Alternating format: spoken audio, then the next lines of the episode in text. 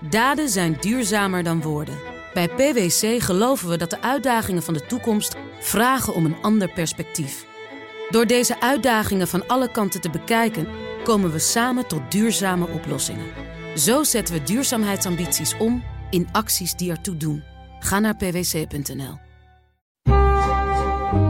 De Perestroikast. Een blik op Oost-Europa.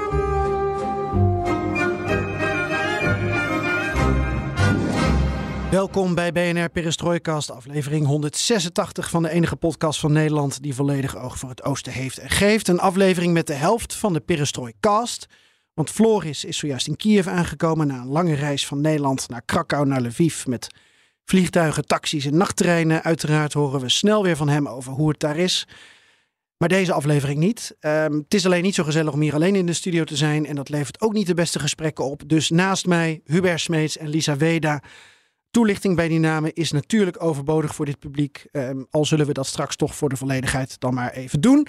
Waar gaan we het in deze extra lange perestrooikast, een beetje zomergastenachtige setting, uh, over hebben met Lisa en met Hubert? Over allerlei kwesties, over allerlei dilemma's die momenteel spelen. We pikken er een aantal uit. En één daarvan is deze. En één is natuurlijk een beursgenoteerd bedrijf. En Ajax gaat er altijd prat op dat ze enorm hoge standaard hebben qua normen en waarden. Ik vraag me echt af of, of je als Nederlandse club zaken moet doen met Krasnodar. Want Ajax is een bedrijf. Oh ja. Het is natuurlijk ook een voetbalclub, maar een beursgenoteerd bedrijf. En ik vind het heel gek dat Ajax uh, zaken doet met een Russische club. Dit is telegraafjournalist Mike Verwij. Hij volgt Ajax dat op het moment van opname heel graag een voetballer van de Russische club Krasnodar wil overnemen. Mag dat? Kan dat? Moet je dat willen? Het is één voorbeeld van de dilemma's en uh, discussies die we in deze tijd kunnen voeren. En dan heb ik het over de tijd van de Russische aanvalsoorlog in Oekraïne. Een andere discussie: moet het Westen Odessa beschermen?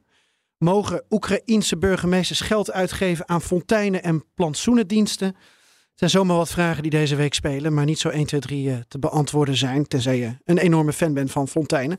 In ieder geval niet zonder uh, argumentatie. Um, en we denken dus na over moraal en ethiek en over de regels.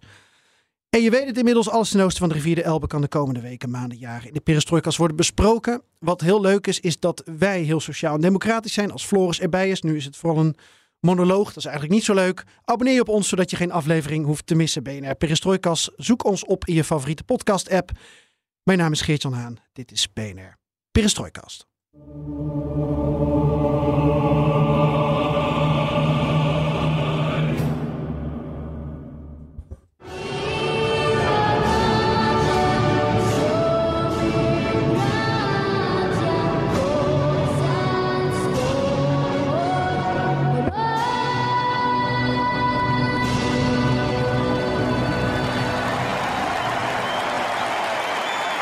Дуже сильне виконання гімну від цієї дівчинки, українки.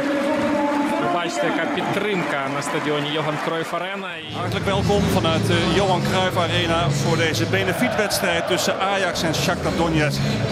Waarvan de opbrengst volledig gaat naar organisaties die hulp geven aan Oekraïnse vluchtelingen en projecten in Oekraïne zelf. Ja, exact een jaar terug was er een benefietwedstrijd in Amsterdam. Ajax tegen Shakhtar Donetsk. Je hoorde zojuist de fragmenten. Veel tranen, veel emotie, een mooi gebaar van Ajax en een mooie opbrengst. Toen was voetbal uh, even oorlog, om het maar zo te zeggen. Maar hoe rijmt dat met de huidige ontwikkelingen... waarin Ajax zaken wil doen op de Russische voetbalmarkt... En Ajax daarin ook niet, trouwens de enige, is ook niet de enige Nederlandse club. Maar het is wel een beursgenoteerd bedrijf. Is dat een dilemma? Is dat een dilemma omdat het niet mag of omdat het niet kan? Heeft het te maken met ethiek? De wedstrijd tegen Shakhtar in het achterhoofd. We lezen ook vandaag in de Telegraaf over een waarschuwing van het ministerie van Buitenlandse Zaken. Ajax, let op wat je doet.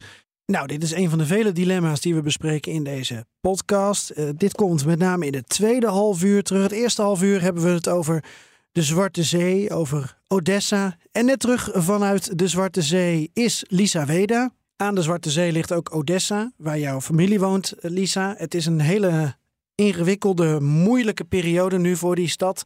Sowieso ingewikkeld voor alles en iedereen aan de Zwarte Zee. En jij komt net terug dus, nou ja, niet uit de Zwarte Zee, maar van een Zwarte Zee residentie. Voordat ik verzand in allerlei ingewikkelde uh, taal. Hoe zit dat precies?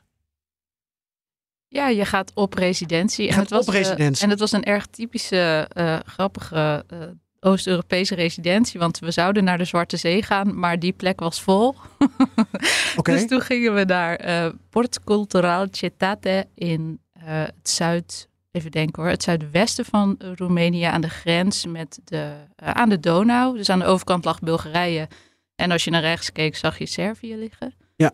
Ehm, maar het ging over de Zwarte Zee. Dus er waren allemaal schrijvers uitgenodigd die iets te doen hebben met het gebied wat daar omheen ligt. Ja, eh, daar hoort Oekraïne natuurlijk ook bij. En jij ging met, met eh, collega's, ehm, internationale collega's, eh, in discussie over allerlei kwesties, dilemma's ook. Dingen waar je als schrijver tegenaan loopt, maar eigenlijk ook als, als mens, neem ik aan. we hebben eigenlijk alleen maar, je bent dan zes dagen met elkaar. En het ging vooral, de, de, de hoofdvragen waren Westsplaining. ehm, de neiging van mensen uit West-Europa om de situaties in Oost-Europa aan Oost-Europeanen uit te leggen. En daarmee eigenlijk ze politiek en democratisch en ook in hun ontwikkeling bijna geen handelingsvermogen te geven. Of het gevoel te geven dat ze dat niet hebben of niet begrijpen hoe ze iets moeten doen.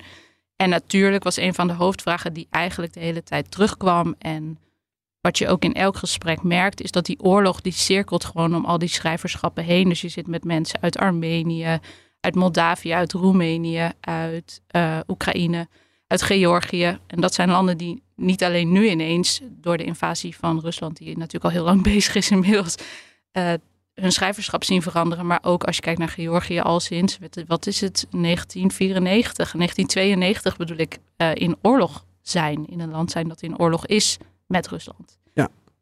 Dus ja, was gezellig. Ook veel wijn gedronken en veel hele rare moppen gehoord, waarvan ik de clue eigenlijk niet zo goed begreep. Ja, daar heb ik wekelijks last van met Joost Bosman. Dus dat herken ik enorm. Eh, je bent natuurlijk ook auteur van de wereldhit inmiddels Alexandra. Eh, in sommige landen spreken ze dat dan ook anders uit. Alexandra of eh, Alexandra. Want je bent ook geloof ik nu in het Noors en Deens vertaald. Ook hier aan tafel Hubert Smeets. Ehm, ja, Hubert, er is altijd een soort standaard aankondiging bij jou geloof ik. Hè? Voormalig Rusland-correspondent. Jarenlang eh, Rusland ook blijven volgen voor NRC, maar ook voor Raam op Rusland. Eh, wat, wat ik niet zo vaak hoor, is dat je ook een stukje Rusland mee naar Nederland weer hebt teruggenomen. ehm, nadat je daar correspondent was. Zowel in je huis als in je hart.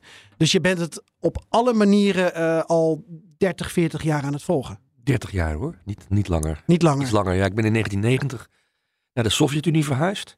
Om correspondent te worden eh, vanuit Moskou, van, voor de hele Sovjet-Unie. en in 1993 ben ik weggegaan uit Rusland. Want toen bestond de Sovjet-Unie niet meer. Ehm, en dat leidde ook trouwens tot grappige en problemen. Namelijk dat ik een keer werd aangehouden op het eh, vliegveld van Moskou. Omdat ik een verkeerd stempel in mijn paspoort had. Want inmiddels was het land veranderd. Eh godzijdank was de bureaucratie toen nog bespreekbaar. En kon ik uitleggen dat mijn entree eh, in de Sovjet-Unie was, terwijl mijn vertrek uit Rusland eh, inmiddels eh, georganiseerd moest worden. En dat accepteerden ze. dat zouden ze nu niet meer doen, denk ik. De, de grenswachten van het huidige Rusland. Ja. En Je bent, je bent altijd het land en de regio blijven volgen. Ja, maar je zei in mijn hart, dat is ook wel natuurlijk voor een deel zo, maar ik voel mezelf niet zo'n zo'n Russische dweper. Die heb je natuurlijk ook in Nederland. Hè? Eh, Maar je bent toch ook journalist? Dus Ja, je volgt het ook journalist. met een Ja. bepaalde objectiviteit of Nou, neutraliteit. Of... Ja, ik probeer Ja. toch vooral met mijn verstand ook een beetje naar dat land te kijken. En ik heb een beetje een hekel, is veel gezegd, maar ik heb vaak wat met moeite met mensen die eh, meteen al in de tweede zin beginnen over de grote Russische schrijvers. De Mm. klassieken. En dat ze daar zo ontzettend eh, waardering en bewondering voor hebben. En dat we daarom ook naar de Russen nu, in, dit, in deze tijd, altijd moeten kijken met in ons achterhoofd de culturele bijdragen die Rusland heeft geleverd aan de wereldgeschiedenis. Laten we het voorzetje dat jij nu geeft, Hubert, over die Russische wereld, Ruski Mir, verbinden met de actualiteit. It's worth setting context that uh, Ukraine's city of Odessa used to have a million plus residents before the war started. And ever since July last year, when this grain deal was in place, largely it's escaped the worst of any attacks. It's been away from the front line. And also for both Russia and Ukraine, it suited it whilst the grain was being exported. But of course, as you say, on Monday, the Russians pulled out of the grain deal. And ever since, they've been pounding away at Odessa. Ja, waar ik toch veel aan moest denken, ook afgelopen week, omdat Odessa is natuurlijk ehm, enorm gebombardeerd afgelopen week. Uh, zeker veel UNESCO-erfgoed ook. Waar jij ook familie hebt in Odessa trouwens. Ja, mijn oud-tante is afgelopen maart teruggegaan nadat ze een jaar in Nederland en Duitsland is verbleven. En ze miste het gewoon te erg. Dus ze is uh, teruggegaan naar haar Khrushchev-flatje. Op ongeveer een half uur lopen van die plekken die nu gebombardeerd zijn. Um, en afgelopen dagen moest ik denken aan een meme. Een, uh, een grappige afbeelding die helemaal in het begin twee, drie dagen voor de invasie op Twitter werd gepost en op Instagram. Weten jullie nog dat er toen in Lugansk zo'n kinderdagverblijf werd gebombardeerd? Ja, dat was zelfs nog uh, voor de invasie ja. op 24 februari. Want jij was toen hier Ik ook de gast, hier, volgens ja. mij op 22 of 23 februari, om erover te praten. Klopt. Ja. En toen ging er een meme rond, want het was dat, dat, uh, dat kinderdagverblijf was gebombardeerd en er zat een gat in de muur. En uh, daar lag natuurlijk allemaal puin en troep. En dan zag je nog zo'n heel mooi kinder, zo'n kleurig kinderbehangetje. En uh, iemand die had met Photoshop een, uh, ik denk dat het Dostoevsky was of Tolstoy, degene met de baard. Ik weet nooit zo goed. Oh, dat is hem, allebei een baard. Uh, zo'n schilderij van hem en hij, ze hadden dat zo geëdit in de fotomontage dat hij naar binnen kijkt door dat gat. En de, de tekst eronder was dan als de grote Russische cultuur je kon bezoeken of zo volgens mij is dat zeker nu, ook als je Odessa, weet je wel, dat, die stad waarvan je dan claimt. Dit is allemaal, weet je wel, er staat Nou een ja, is- beeld in de stad. Ik weet niet of dat er nog is. Ja, ik vind dat na anderhalf jaar eigenlijk nog steeds een hele treffende schets. Want wat is die Ruski Mir nou die Oekraïne zou bevrijden en, en verbeteren? Het is alleen maar vernietiging en verzwakking. Ja. Ja. en dat is in Odessa in die zin heel significant en heel pijnlijk nu, nu duidelijk geworden het afgelopen weekend. Eh, na een nou ja, nachtenlange cascade van bombardementen op die stad. Met uiteindelijk het bombardement ook op de, eh, de kathedraal. De Transfiguratiekathedraal. Ehm, dat, dat is eigenlijk een aanval van de Russen op zichzelf. En zo wordt het ook gezien, heb ik begrepen, in Odessa. De burgemeester van Odessa, eh, corrupt tot in zijn kleine teen. Ja. Ehm, ja, super kwaad nu. die is super. Ja, die, die- en die zegt: eh, eh, we, we, we spugen op jullie. We haten jullie niet eens. Het is nog erger. En dat is dus wat de Russische wereld, de Ruski Mir, eh, bereikt met deze aanval op, eh, op Oekraïne om de zogenaamde Russische wereld te beschermen, te bevrijden van het fascisme, zoals het heet. En dat is eigenlijk onbegrijpelijk. En, ik, en dat, is, eh, dat zie je ook in de Russische op, eh, talkshows. Mhm. Kort voordat het gebeurde in Odessa, afgelopen weekend, eh, was er op een Russische talkshow onder leiding van eh, een, een, een leerling van Goebbels, die heet Stalavjov. Ehm, Ja, die heeft zijn boek wel gelezen. Ja. ja, Oh die, ehm, die, die had daar een talkshow waarin alle gasten eh, om het hardst schreeuwden dat heel Odessa moest worden vernietigd, behalve de opera. Dat is een mooie bonbondoos met, eh, met hele leuke bordeauxrode zitjes van binnen. Zo mooi. Ja, en die, en die, die moest dan beschermd worden. En, en- maar een dag later werd de daad bij het woord gevoegd. En ik zeg niet dat Salavjov invloed heeft op eh, het beleid van de Russische generale staf. Maar het zegt wel iets over de sfeer die er in Moskou heerst. En dat is, ja, ja, het is objectief gezien een zelfdestructieve sfeer. Ze zijn hun eigen Ruski Mir aan het kapot bombarderen. En dat is eigenlijk dat is onbegrijpelijk. Ja, en je eigen narratief ook, wat ze natuurlijk de hele tijd al doen. Er is helemaal geen duidelijk verhaal meer wat er al niet was om mee te beginnen. Maar dit lijkt nog, zeg maar, hoe... Daar kan ik vooral niet bij. Als je dit dan zo belangrijk vindt en het behoud en het belang van die Russische, grote Russische cultuur, die alles en iedereen moet redden. En Odessa. Ja, is de parel aan de Zwarte Zee. Eh, opgericht, gesticht door Catharina de Grote. De belangrijkste expansionistische tsarina eh, uit de hele geschiedenis. Dat je die gaat platbombarderen. Om, ja, in dit geval natuurlijk om de graansilo's daar eh, en de haven kapot te maken. Het is allemaal wel begrijpelijk tussen aanhalingstekens. Maar vanuit een cultureel, historische optiek is het, is het, is, het is. Nou ja, als we het in, in deze podca podcast hebben over, over dilemma's, dan zou je je kunnen afvragen waarom dit vanuit Russisch perspectief niet een grote dilemma zou zijn. Wat te doen met Odessa. Ja, toen het anderhalf jaar geleden begon, waren er ook mensen die, eh, die zeiden, nou ze zullen Kiev bijvoorbeeld niet aanvallen, want Kiev is in het verhaal van eh, het grote Russische Rijk en de Russische wereld de bakermat van de orthodoxie. Dus als we Kiev gaan... aan- ja, Kiev is veel ouder dan Moskou, maar te zwijgen van Petersburg. Ja. En toen ze in Kiev eh, kerken bouwden en kloosters bouwden... toen liepen ze in Moskou nog in berenvellen rond. Heel kort gezegd. Ja, er is één heel mooie eh, klooster in de buurt van dat Holodomor monument in Kiev. Dat is een heel mooi monument. Als je dan wat verder loopt, is daar een heel mooi klooster. En je hebt daar één eh, deel waar je nog een heel oud deel van de kerk in kan. Van dat, ja, ik ben niet zo... Ik Doe je ben- dat Lavra-complex? Ja, precies. En daar heb je één stuk, dan kun je met een trapje naar boven lopen. En boven je, dus het hele plafond is een rond gewelfd eh, plafond. Dat zijn fresco's, weet ik veel, uit eh 13, Ja, nou, 1400. daar- die- het is die- die- wonderlijk. die- dat klooster is gebouwd in de 12e eeuw. ja. Eh, en, en, maar dat, dat geldt in Odessa ook. Hè. Het, het- het is eigenlijk niet meer te begrijpen. Eh, eh, met, met je verstand, maar ook, ook niet met je hart. Om een Russisch cliché eh, aan te halen. Die, die kathedraal in, in Odessa, die is gebouwd in opdracht van Catharina de Grote. In de, in de 19e eeuw. En die kathedraal herbergt de Oekraïnse orthodoxe kerk, die zich altijd heeft gevoegd naar de patriarch in Moskou.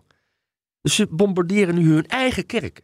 Een kerk die een jaartje of tien geleden is ingezegend na een herbouw. Want die was eh, in de Stalinistische tijd tot een soort van eh, parkeerplaats en opslagplaats voor, eh, voor, eh, voor lompen eh, teruggebracht. Hè, de, de atheïstische tijd van het communisme. Die is helemaal keurig herbouwd na, na de onafhankelijkheid van Oekraïne in 1991. En die, diezelfde kathedraal is ingezegend, want dat moet met een kerk, Mhm. door patriarch Kirill uit Moskou. Mhm. Ja, het is eigenlijk niet meer te begrijpen. Is, je verstand staat er best. Nou ja, je hebt het ook over die talkshows. eh, die natuurlijk eh, in feite, eh, de meeste talkshows zijn een doorgeefluik van wat eh, vanuit eh, het Kremlin Je bedoelt wordt dus beoogd. vooraankondiging. Ja, soms is er, zijn het vooraankondigingen. Het is ietsje gecompliceerder volgens mij. Die talkshows zijn ook eh, experiment, experimenteerruimtes in de, in, in de, in de, in de Kijken media. o- of er ruimte is om Rotterdam te bombarderen bijvoorbeeld. Ja, kijken wat er gebeurt, hoe het publiek erop reageert. En je hebt natuurlijk eh, ook verschillende media-outlets in Rusland die niet van de staat zijn en die dan net een iets andere boodschap naar buiten brengen. Eh, om te kijken hoe dat publiek, bijvoorbeeld het intellectuele publiek of het zakelijke publiek of eh, de onderwijzers en de leraren of de, de, de sportliefhebbers reageren. Dus die Russische media eh, die zijn niet helemaal gelijk geschakeld. Ze moeten binnen strikte grenzen opereren. Daarbuiten mogen ze niet optreden. En als ze dat doen, dan worden ze verboden of tot een onwenselijke organisatie verklaard. Maar daarbinnen is er een beetje ruimte. En ik zie dat ook een beetje als experiment. Om te kijken van welk verhaal doet het goed. En als een verhaal het goed doet bij de hoger opgeleide of bij de lager opgeleide, dan, dan gaan ze erop verder. Die talkshows zijn denk ik ook een onderdeel van dat ja, media-experiment wat vanuit het Kremlin natuurlijk wordt gemonitord en ook wel wordt gestuurd. Maar om nou te zeggen dat Salavjov of andere leerlingen van Jozef Goebbels eh, iets zeggen wat ze ingestoken is door de curator van de media in het Kremlin, hè, want zo heet zo iemand die lid is van de presidentiële eh, administratie van Poetin. Dat weet ik niet. Ik denk dat, het, dat, er, dat er ook eigen initiatief bij zit. Maar Dus je zegt dat er nog persvrijheid is. Nee, dat zeg ik niet. ik, zeg dat, ik zeg dat ze werken binnen hele strikte grenzen. Maar daarbinnen is er een soort van eh, dienstbare, functionele pluriformiteit. Dus de, eh, je hebt fascistische kanalen, je hebt nationalistische kanalen, je hebt wat meer economische kanalen. Die moeten allemaal binnen die grenzen blijven, die door het Kremlin worden bepaald. Maar, maar ze moeten ook een verschillende soorten publiek aanspreken. Want Ja, de wil- Russische bevolking is natuurlijk niet helemaal eenduidig. Wil je niet ook, ja, dat is, zou mijn vraag zijn aan jou, van wil je niet überhaupt dat mensen nog een beetje het gevoel hebben dat ze iets, weet je wel, dat jij zegt tegen je buurman in je, in je oude flatje, terwijl je dan de was ophangt op je mooie houten balkonnetje wat in de winter een serre is waar je je potten augurken bewaart. Dat jij zegt, nou ik heb op die economische zender gekeken, wat kijk jij eigenlijk? Dat je nog een beetje het gevoel hebt Ja. van keuzevrijheid. Er, zit, er zit een soort van gedachte achter die, eh, die sluw is. Slim, zeker, maar ook wel sluw. De, de luisteraar of de kijker denkt dat hij een, keuzevrijheid in zijn, eh, in zijn be- beslissing om, weet ik veel wat, RBK, dat is een zakelijke Ja. zender te kijken. Of gewoon naar het eerste kanaal, hè, wat le- volledig door de staat wordt be- eh, een soort gestuurd. propagandaverzuiling. Nee, grapje. Ja, maar er zitten geen organisaties achter, zoals in Nederland. Hè. Dus, en, En er zit natuurlijk ook geen, geen politieke pluriformiteit Nee, achter. Dus het is, het is eigenlijk allemaal heel functioneel in, en instrumenteel en ook op, operationeel in deze oorlogstijd. Maar als je dan eh, anderhalf jaar lang, ehm, om terug te gaan naar het dilemma van, eh, van Odessa, Hm. al anderhalf jaar lang eigenlijk eh, Odessa heel wil houden. eh, binnen het idee ook van, nou ja, weet je, we kennen de term Krimnash, misschien ook wel Odessa Nash. Dus het is van ons en dat willen we graag heel eventueel in handen krijgen. Hoe kun je dan in een, in een, in een paar dagen tijd zo'n enorme spin maken ehm nadat je eh, het recht hebt om het te vernietigen? Eh, ik kan me niet voorstellen als het ene propagandakanaal ehm, het, dat narratief nu verkondigt, dat het andere kanaal daar niet in meegaat. Dat, dat moet, je moet wel. Mij viel op dat eh, niet overal deze aanvallen op Odessa in Rusland op dezelfde manier worden gepresenteerd. Oké. Eh, dat er ook wel wat kanalen zijn waar het een beetje wordt verdonkere maand. Eh, maar het achterliggende verhaal wat door iedereen gedragen zou moeten worden, althans volgens de curator van Poetin in het Kremlin, de mediacurator, is dat eh, Oekraïners geen zelfstandige mening hebben. Niet zelfstandig kunnen handelen. Hè. De- Hm. Het verhaal in, in, in Rusland is, het collectieve Westen heeft een oorlog tegen ons ontketend. En de Oekraïners zijn daarin slechts spionnen kanonnenvoer of, of andere termen die daarbij gebruikt worden. Maar Oekraïners zijn, zijn willoze wezens. En de Rus- Oekraïnse samenleving bestaat niet. Want de Oekraïnse samenleving is natuurlijk in wezen hetzelfde als de Russische samenleving. Zij dat de Oekraïnse samenleving wordt gevormd door klein-Russen, eh, zoals het in het 19e eeuwse jargon heet, eh, waar wij groot-Russen zijn. Het is geen toeval, dat woord klein en groot. Het geeft ook een hiërarchie aan. Eh, maar als je de, de Oekraïners ziet als een, als, een, als een verzameling willoze wezens die pionnen zijn voor het collectieve Westen, dan kan je ook zeggen, ja, we moeten dat even doen. Hè? Eh, die kerk daar bombarderen, ehm, eh, ten einde eh, die willoze wezens te bevrijden van hun meesters in het Westen, die hen sturen. En daarna kunnen we de zaak weer opbouwen, want die Oekraïners blijven natuurlijk willoze wezens. Dan moeten wij ook weer de orde op zaken stellen. daar. We moeten alsnog de cultuur brengen, maar dan gewoon hierna nog een keer. En nog een keer, en dat is helemaal geen punt, want dat hebben we vaker gedaan in de geschiedenis, wij groot-Russen. Eh, dus ik denk dat het binnen dat kader nog wel te, verklaren is in Rusland zelf. Heb je dan ook de termen gehoord waar het ehm, aan het begin van de oorlog over ging? De denazificatie, de demilitarisatie. Nee. Want ik heb dat in, in de Nederlandse media niet gelezen afgelopen week. Maar eh, de manier waarop die graansilo's ehm, eh, bestookt worden in Odessa. Eh, waarbij Rusland ook regelmatig aangeeft als ze iets bombarderen dat daar dan wapens eh, zijn opgeslagen of dat daar eh Oekraïnse soldaten zitten. Je zou natuurlijk aan de Zwarte Zee kunnen stellen. Rusland is heel erg bezig met die demilitarisatie waar ze het anderhalf jaar terug zoveel over hadden. Ja, ik vind die termen, want dat waren de sleutelbegrippen toen ze anderhalf jaar geleden aan, aan de oorlog begonnen. Die vind ik eigenlijk niet meer zo ontzettend hoorbaar. In. Wordt er wel gesproken over de noodzaak om, om Oekraïne te demilitariseren, maar dat is niet meer het hoofddoel. En de denazificatie van de Oekraïne ehm, wordt ook nog wel alleen maar genoemd in de zin van ehm, heel consequent, in de zin van dat het, de regering van Oekraïne nooit genoemd wordt de regering hè, van Oekraïne. En de Hmm. Oekraïnse president is ook niet het Oekraïnse staatshoofd. Het gaat altijd over het regime in Kiev. Ja.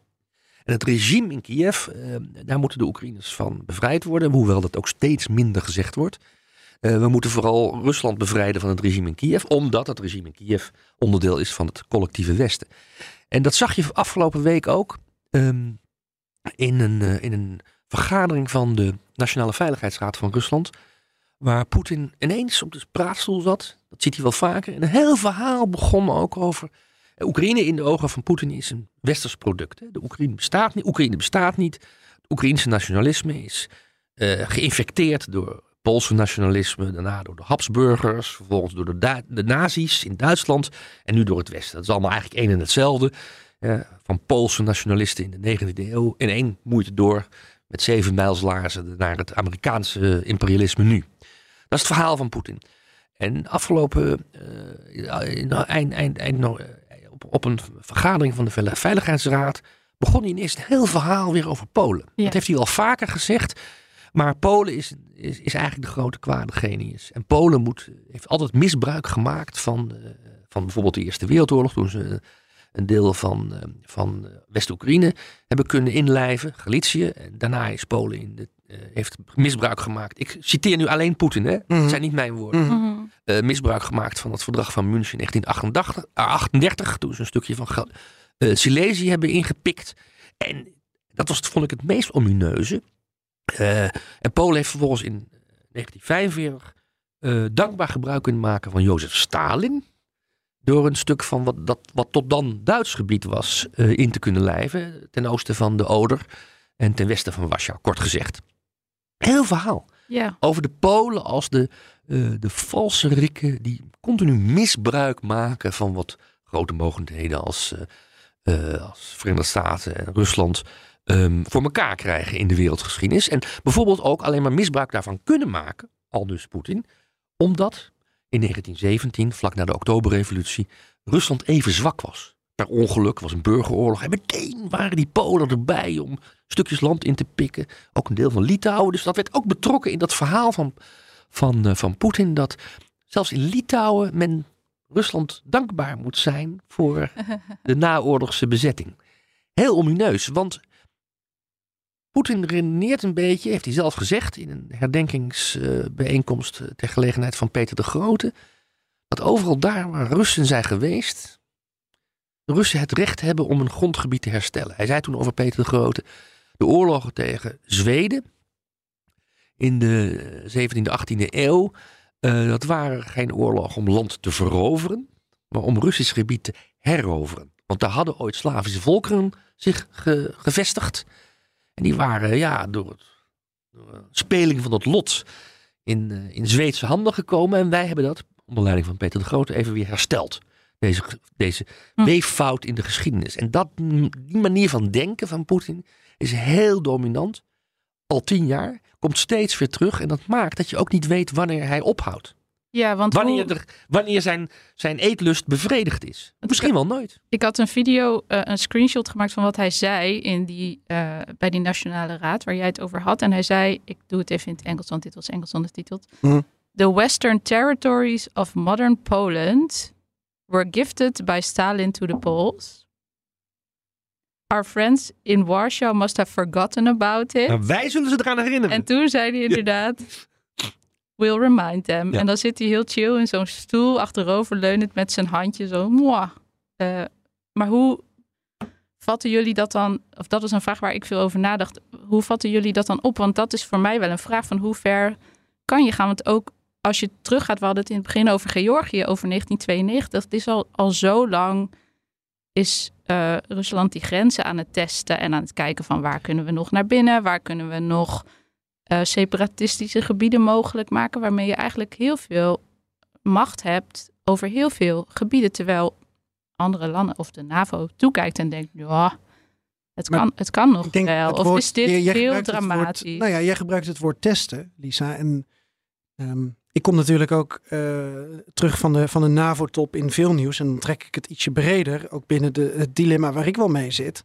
En op die NAVO-top dan ben ik eigenlijk meer eh, verslaggever dan dat ik echt gelijk een, een, een, een grote analyse maak van wat er allemaal gezegd wordt. Of wat het betekent voor Oekraïne. Dus nou ja, je krijgt mee, er komt een eh, NAVO-Oekraïne-raad en daar is iedereen blij mee. Er, er, er komt vanuit de G7 komen er, er komt er een veiligheidsraamwerk. Geen garanties, maar wel eh, een, een arrangement, zei de Belgische premier tegen, tegen mij. Vond ik wel een, een grappig woord. Klinkt als een snack. En aan alles voel je dat eh, Oekraïne hier op dit moment niks aan heeft. Maar dan probeer je toch, misschien zit ik dan te veel op, op de West-Europese stoel, probeer je toch te begrijpen van ja, eh, er zijn landen binnen de NAVO en leiders binnen die landen, Amerika, Duitsland, Frankrijk, die bepaalde rode lijnen vanuit hun optiek willen bewaken. Hè, de escalatieladder. En daar grenzen dus aan stellen. Mhm. Maar als je dan nu de afgelopen week ziet wat Rusland gedaan heeft in het Zwarte Zeegebied. Met ehm, het, de graandeal niet verlengen van hun kant. Met de bombardementen op Odessa en op die graansilo's. Met zelfs de havens nabij eh, Roemenië bombarderen. Ja, dan kun je ook wel zeggen dat ehm, die reactie op die NAVO-top eh, ertoe geleid heeft dat Rusland eh, denkt dat ze met nieuwe machtspolitiek eh, weer de touwtjes in handen hebben. Dat ze weer eh, ons nu voor een blok zetten van hoe gaan wij reageren. Bij die NAVO-top hebben we blijkbaar niet met genoeg kracht laten zien waar wij voor staan. Als het gaat om de steun aan Oekraïne. En het Kremlin maakt daar eh, gebruik of misbruik van. En, en dat vind ik best wel een, een, een dilemma. En ik vind het ook erg stil bij de westerse leiders die nu ook op vakantie zijn, denk ik. Ehm, maar ja, het is wel een beetje nu de week van de. ehm, ja, van ik, ik, ik, ik zit mijn hoofd erover te breken, Hubert. Nee, hoe, hoe moet ik- je hierop reageren? Ik weet het ook niet. Eh, maar het woord testen is wel heel erg eh, goed gevonden, vind ik, Lisa. Want op diezelfde Veiligheidsraad, eh, een, twee dagen later, na, na diezelfde Nationale Veiligheidsraad, twee dagen later, was Lukashenko op bezoek in Petersburg. De, de president van, de leider van Belarus. En daarin, bij die bijeenkomst, bij een persconferentie, zei Lukashenko: Kijk, wij hebben nu die Wagner-troepen, niet allemaal, maar een deel van die Wagner-troepen, die huurlingenlegers van Prigozhin, die in eh, eh, huis gehouden hebben rond Bakhmut in Oekraïne, et cetera. Die hebben wij nu in huis. En die willen oprukken naar Polen. En met name naar een stad in Polen, Rzeszów, waar eh, heel veel eh, eh, westerse goederen overge, eh, ge- eh, getransporteerd, eh, getransporteerd worden naar Oekraïne. Militaire goederen, maar ook humanitaire goederen. En daar willen ze schoon schip maken in die, in die Poolse stad. En Lukashenko, die we serieus moeten nemen. Zeker niet moeten onderschatten, denk ik. Nog steeds niet. Die zei, ik hou ze tegen. Ehm, en, maar, de boodschap is... Ja, er komt een moment dat ik de hondenlijn niet meer vast kan houden... of niet meer vast wil houden. En dan gaan deze, deze herders los op Polen. Op excursie. En een heerlijk- Warschau Ze ze- ja, ze gingen op een excursie. Sorry, zo zei hij het letterlijk. Ja, Het is toch alleen ook maar een- omdat ze een slecht humeur hebben. Hè, zei hij, in een slechte stemming zijn. Het is ook een heerlijke groep om dat mee te doen, toch? Dus wat je narratief ook is, dit is de die Wakener-groep is perfect om te zeggen, ja, weet ik wel, als een stelletje losgeslagen Ja, idioten die ik- doen wat ik- ze wil. Heb ik geen greep op. Ja. Eh, we doen ons best, maar ja, het, het- de, diepere, de diepere zielenroerselen van deze vechtjassen. Daar staan we niet maar- voor garant. Nee, en hou er maar rekening mee, want die kunnen ook jullie gaan bedreigen. Dus het is, het is een continu een dubbel spel eigenlijk. En dat maakt het moeilijk, want je vroeg, dat was de vraag. Nou, de druk wordt enorm opgevoerd, ook hiermee. En wij weten niet wat we moeten doen in het Westen. En wij zijn natuurlijk, natuurlijk ook eh, in het Westen ook wel zo langzamerhand, zeker ten, ik bedoel dan ten westen van de Elbe, ehm, ook een beetje moe aan het worden. We kunnen het niet meer zo goed verkopen. In Nederland krijgen we straks verkiezingen. Ehm, eh, is- er komen bezuinigingen aan. Dat zal onderdeel worden van dat, die verkiezingscampagne. Gaan wij nog gewoon eh, zonder vragen te stellen in Nederland Oekraïners blijven steunen? En dat speelt niet alleen in Nederland, dat speelt in Duitsland, dat speelt in Frankrijk, dat speelt in Spanje, dat speelt ook in Italië. Dat is wat ze in Moskou heel goed weten. Maar War kun jij- fatigue, Kun, kun jij verklaren, Hubert, waarom er niet op dit moment harder wordt gewerkt? Of, nou, dat moment is misschien al voorbij, maar aan een, een zeecorridor. Waarom eh, de VN niet bij machten is, of dat misschien niet eens wil, Nou, de eh, VN om te bewerkstelligen. Amerika heeft ook erover gezegd, dat gaan we niet doen. We gaan de Oekraïnse schepen niet beschermen. Nee, omdat eh, Amerika. Kijk, de VN kan niks doen, want daar, daar, elke maatregel die door, door de VN zou worden genomen, wordt gevetood door Rusland. Nou, niet helemaal met je eens, want Guterres heeft natuurlijk wel ook die graandeal eruit onderhandeld. Ja. Dus je kan zeggen, ehm, Dat kan. buiten de gebaande paden om. Kan je best iets doen, maar niet zonder, eh, al is het maar passieve instemming van, eh, van Moskou.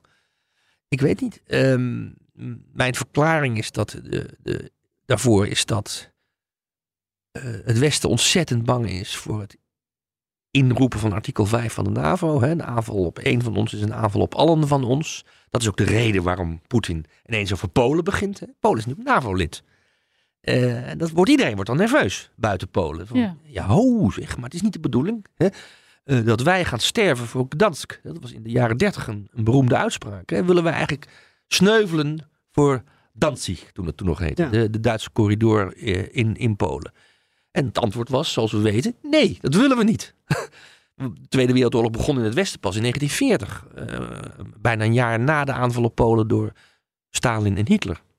Ehm, ik denk dat dat de reden is. Maar dan zijn we toch weer terug bij af, voor mijn gevoel. Dan zijn we weer terug terug bij af, bij anderhalf jaar terug. Eh, en, en we zijn weer terug bij het moment dat bijvoorbeeld eh, Zweden en eh, Finland willen lid, worden van de NAVO. En eh, vanuit Moskou wordt door allerlei mensen geroepen, nou dan bombarderen we jullie helemaal kapot. En dat werd afgezwakt richting allerlei boycotten en sancties. En vervolgens werden ze lid en kwam er een, een soort reprimande. Ja. En, en dan denk je toch, Maar het is toch een Pak het perfect eh, Stockholm-syndroom eigenlijk, waar je dan met z'n allen in zit. Of Vind ik wel leuk gevonden met Zweden in het achterhoofd. Voor een deel wel, ja. en voor een deel eh, hebben we met Zweden en Finland, Finland geen serieuze represailles gezien van Moskou. Maar laten we eerlijk zijn. Voordat de oorlog anderhalf jaar geleden begon, dachten we ook niet dat het zo'n vaart zou lopen in Oekraïne. Nee, iedereen dacht twee weekjes. Ja, maar daarvoor dacht iedereen. Ja, dat niet van- zou gebeuren. dacht iedereen, Ja, nou, ja. het gaat alleen om de Donbass. Het gaat een- alleen om de provincies Donetsk en Lugansk. Ja. Eh, en het werd een complete aanval op de soevereine staat Oekraïne. Eh, dus die onzekerheid die, eh, die is niet weggenomen door de relatief milde reactie op de toelating van en de toetreding van Finland en Zweden tot de NAVO. En die onzekerheid, daar worden wij consequent in gehouden ook door, door Moskou. Je weet nooit precies hoe ze reageren. En ons argument van ze zullen ook wel rationeel zijn, dat is gelogen gestraft in 2022. Maar denk je dan dat als je dus kijkt naar Zuid-Ossetië, Abhazie, Transnistrië, nou, Tsjetsjenië zou je er misschien een beetje bij kunnen voelen, nee, ik vind, ik- niet. vind ik een ander verhaal. Eh, nee, laten we die eruit gooien. Gagauzië. Ehm, dat er al heel lang een soort... eh, als kunstenaar doe je heel vaak een, een prototype van je uiteindelijke kunstwerk maken. Een proeftuin. Ja. Denk je dat die, al die gebieden eigenlijk een soort proeftuin zijn geweest? Zeker. Om maar een beetje te onderzoeken van, nou... We beginnen een keertje in uh, Zuid-Ossetië. Oh, een paar jaar later trekken Ja. we er een stukje extra land bij. Oh, niemand doet iets. Prima. Heel succesvol geweest. In 2008, hè, toen NAVO en, eh, de NAVO een soort van programma tot toetreding voor Georgië en Oekraïne wilde entameren, wilde starten. Toen is dat gestopt, dat plan. Eh, de Amerikanen wilden dat, maar de Duitsers en de Fransen en ook de Nederlanders, maar de Nederlanders zeiden dat niet openlijk, hè, die deden het stiekem, zoals veel vaker. Ehm, ehm, die wilden niet dat Georgië en, en Oekraïne toe zouden treden, kunnen treden tot een NAVO. Ja, formeel wel, hè, want toen was het, eh, de formulering was, ze worden ooit lid, maar wanneer? God mag het weten. Dat, gebeel, dat speelde zich af in april 2008. Toen hadden we al Zuid-Ossetië, Abhazie hadden we Mhm. al gehad. Transnistrië hadden we ook al gehad. Ehm, eh, voor, maar da- daar bleef het op dat moment nog bij. Dat gebeurde in april 2008. In augustus 2008 ontketende Rusland een vijfdaagse oorlog tegen Georgië, waarmee de afscheiding van Abhazie en Zuid-Ossetië in wezen definitief werd. Ja. Dus het antwoord van Rusland op het, je zou kunnen zeggen, de concessie van de NAVO om deze landen niet zomaar te laten toetreden tot de NAVO was, we slaan toe. Ik heb het ook verkeerd gezien toen hoor. Ehm, eh, maar met terugwerkende kracht moet je zeggen, dat was kennelijk de manier waarop het Kremlin buitenlandse politiek bedrijft. Als het Westen een concessie doet, in dit geval NAVO en Georgië moeten nog even wachten, dan maken wij van die concessie gebruik om de toetreding van Georgië in dit geval tot Sint-Jutemus te kunnen uitstellen door het te bezetten. Althans een deel daarvan. Hebben Ja. jullie eh, Braveheart gezien? Nee. Wat? De film Braveheart? Met Mel Eh, Gibson? Oh, heel lang geleden. Ik her- herinner me alleen maar zwaarden en veel vuur, maar dat was het. De scène dat eh, Mel Gibson, die William Wallace speelt, eh, dat hij de spanning opbouwt door zijn troepen tegen te houden. Hij zegt hold. De tegenstander komt er aangerend over de heuvel. Hold. Hold. Het voelt als een soort 20, 30 jaar lange hold vanuit het westen. Mhm. En sinds vorig jaar durfden we ook onze troepen, nou ja, niet letterlijk met boots on the ground, maar erop af te sturen. Maar de spanning in Moskou moeten ze ook gedacht hebben, wanneer komen ze nou eens? Ja, of ze weten, je komt dus nooit. Nou ja, dat werd uiteindelijk gedacht. Ze komen überhaupt niet. Nee, er is natuurlijk in, in, in, in Rusland een hele intellectuele stroming. Ik zeg niet dat die de meerderheid vertegenwoordigt, maar het is wel een significante stroming die de westerse cultuur in essentie laf, slap en commercieel vindt. Eh, en dat is, hè, dus de, je- en, en de Russische cultuur is daarentegen natuurlijk dapper, opofferingsgezind en dus streng. En dat is een, dat is een serieuze intellectuele stroming in, in Rusland die je, ja, ik kan zeggen, een soort van Russische- Russo-fascistische eh, beweging zou kunnen noemen. Eh, en die heeft zeker invloed, denk ik, op, eh, ook op het beleid van het Kremlin. Ja, maar ook als je bijvoorbeeld Alexejevich leest, Het einde van de Rode Mens, daarin interviewt zij, ehm, eh, zij is Belarussische schrijver. Zij heeft onder andere over Tsjernobyl geschreven, over de Afghaanse oorlog, over vrouwen in de Tweede Wereldoorlog. En eh, eh, ja, een van haar meest, ja, denk ik wel, de, de kers op de taart van haar, magne, van haar oeuvre is uh, het einde van de Rode Mensen. En daarin interviewt ze allemaal mensen vanaf het moment dat de Sovjet-Unie uit elkaar valt. En dat ineens Rusland een soort van open ligt. Dat er uh, na de perestroika is ineens een economie. En uh, wat moeten we daarmee? Iedereen in paniek, in de war. Maar wat je, en zij interviewt dan superveel mensen, waaronder veel ouderen, een aantal oudere mensen ook. Het is een heel dik boek, het is een heel mooi boek, de moeite waard, zeker om nu te lezen. Over hoe het is om afscheid te nemen van dat land waar ze in hebben gewoond. Maar wat je heel veel mensen in dat boek hoort vertellen, is militaire narratieven. Er zitten zoveel sterke militaire narratieven in dat boek. En volgens mij zijn die nog altijd heel belangrijk. Als je, tenminste, als ik dat lees en ook als ik kijk naar die fotoreportage van een aantal jaar geleden van al die jonge jongetjes die naar een soort pionierskamp worden gestuurd, maar dan een soort legertrainingskamp. Twaalfjarige kinderen.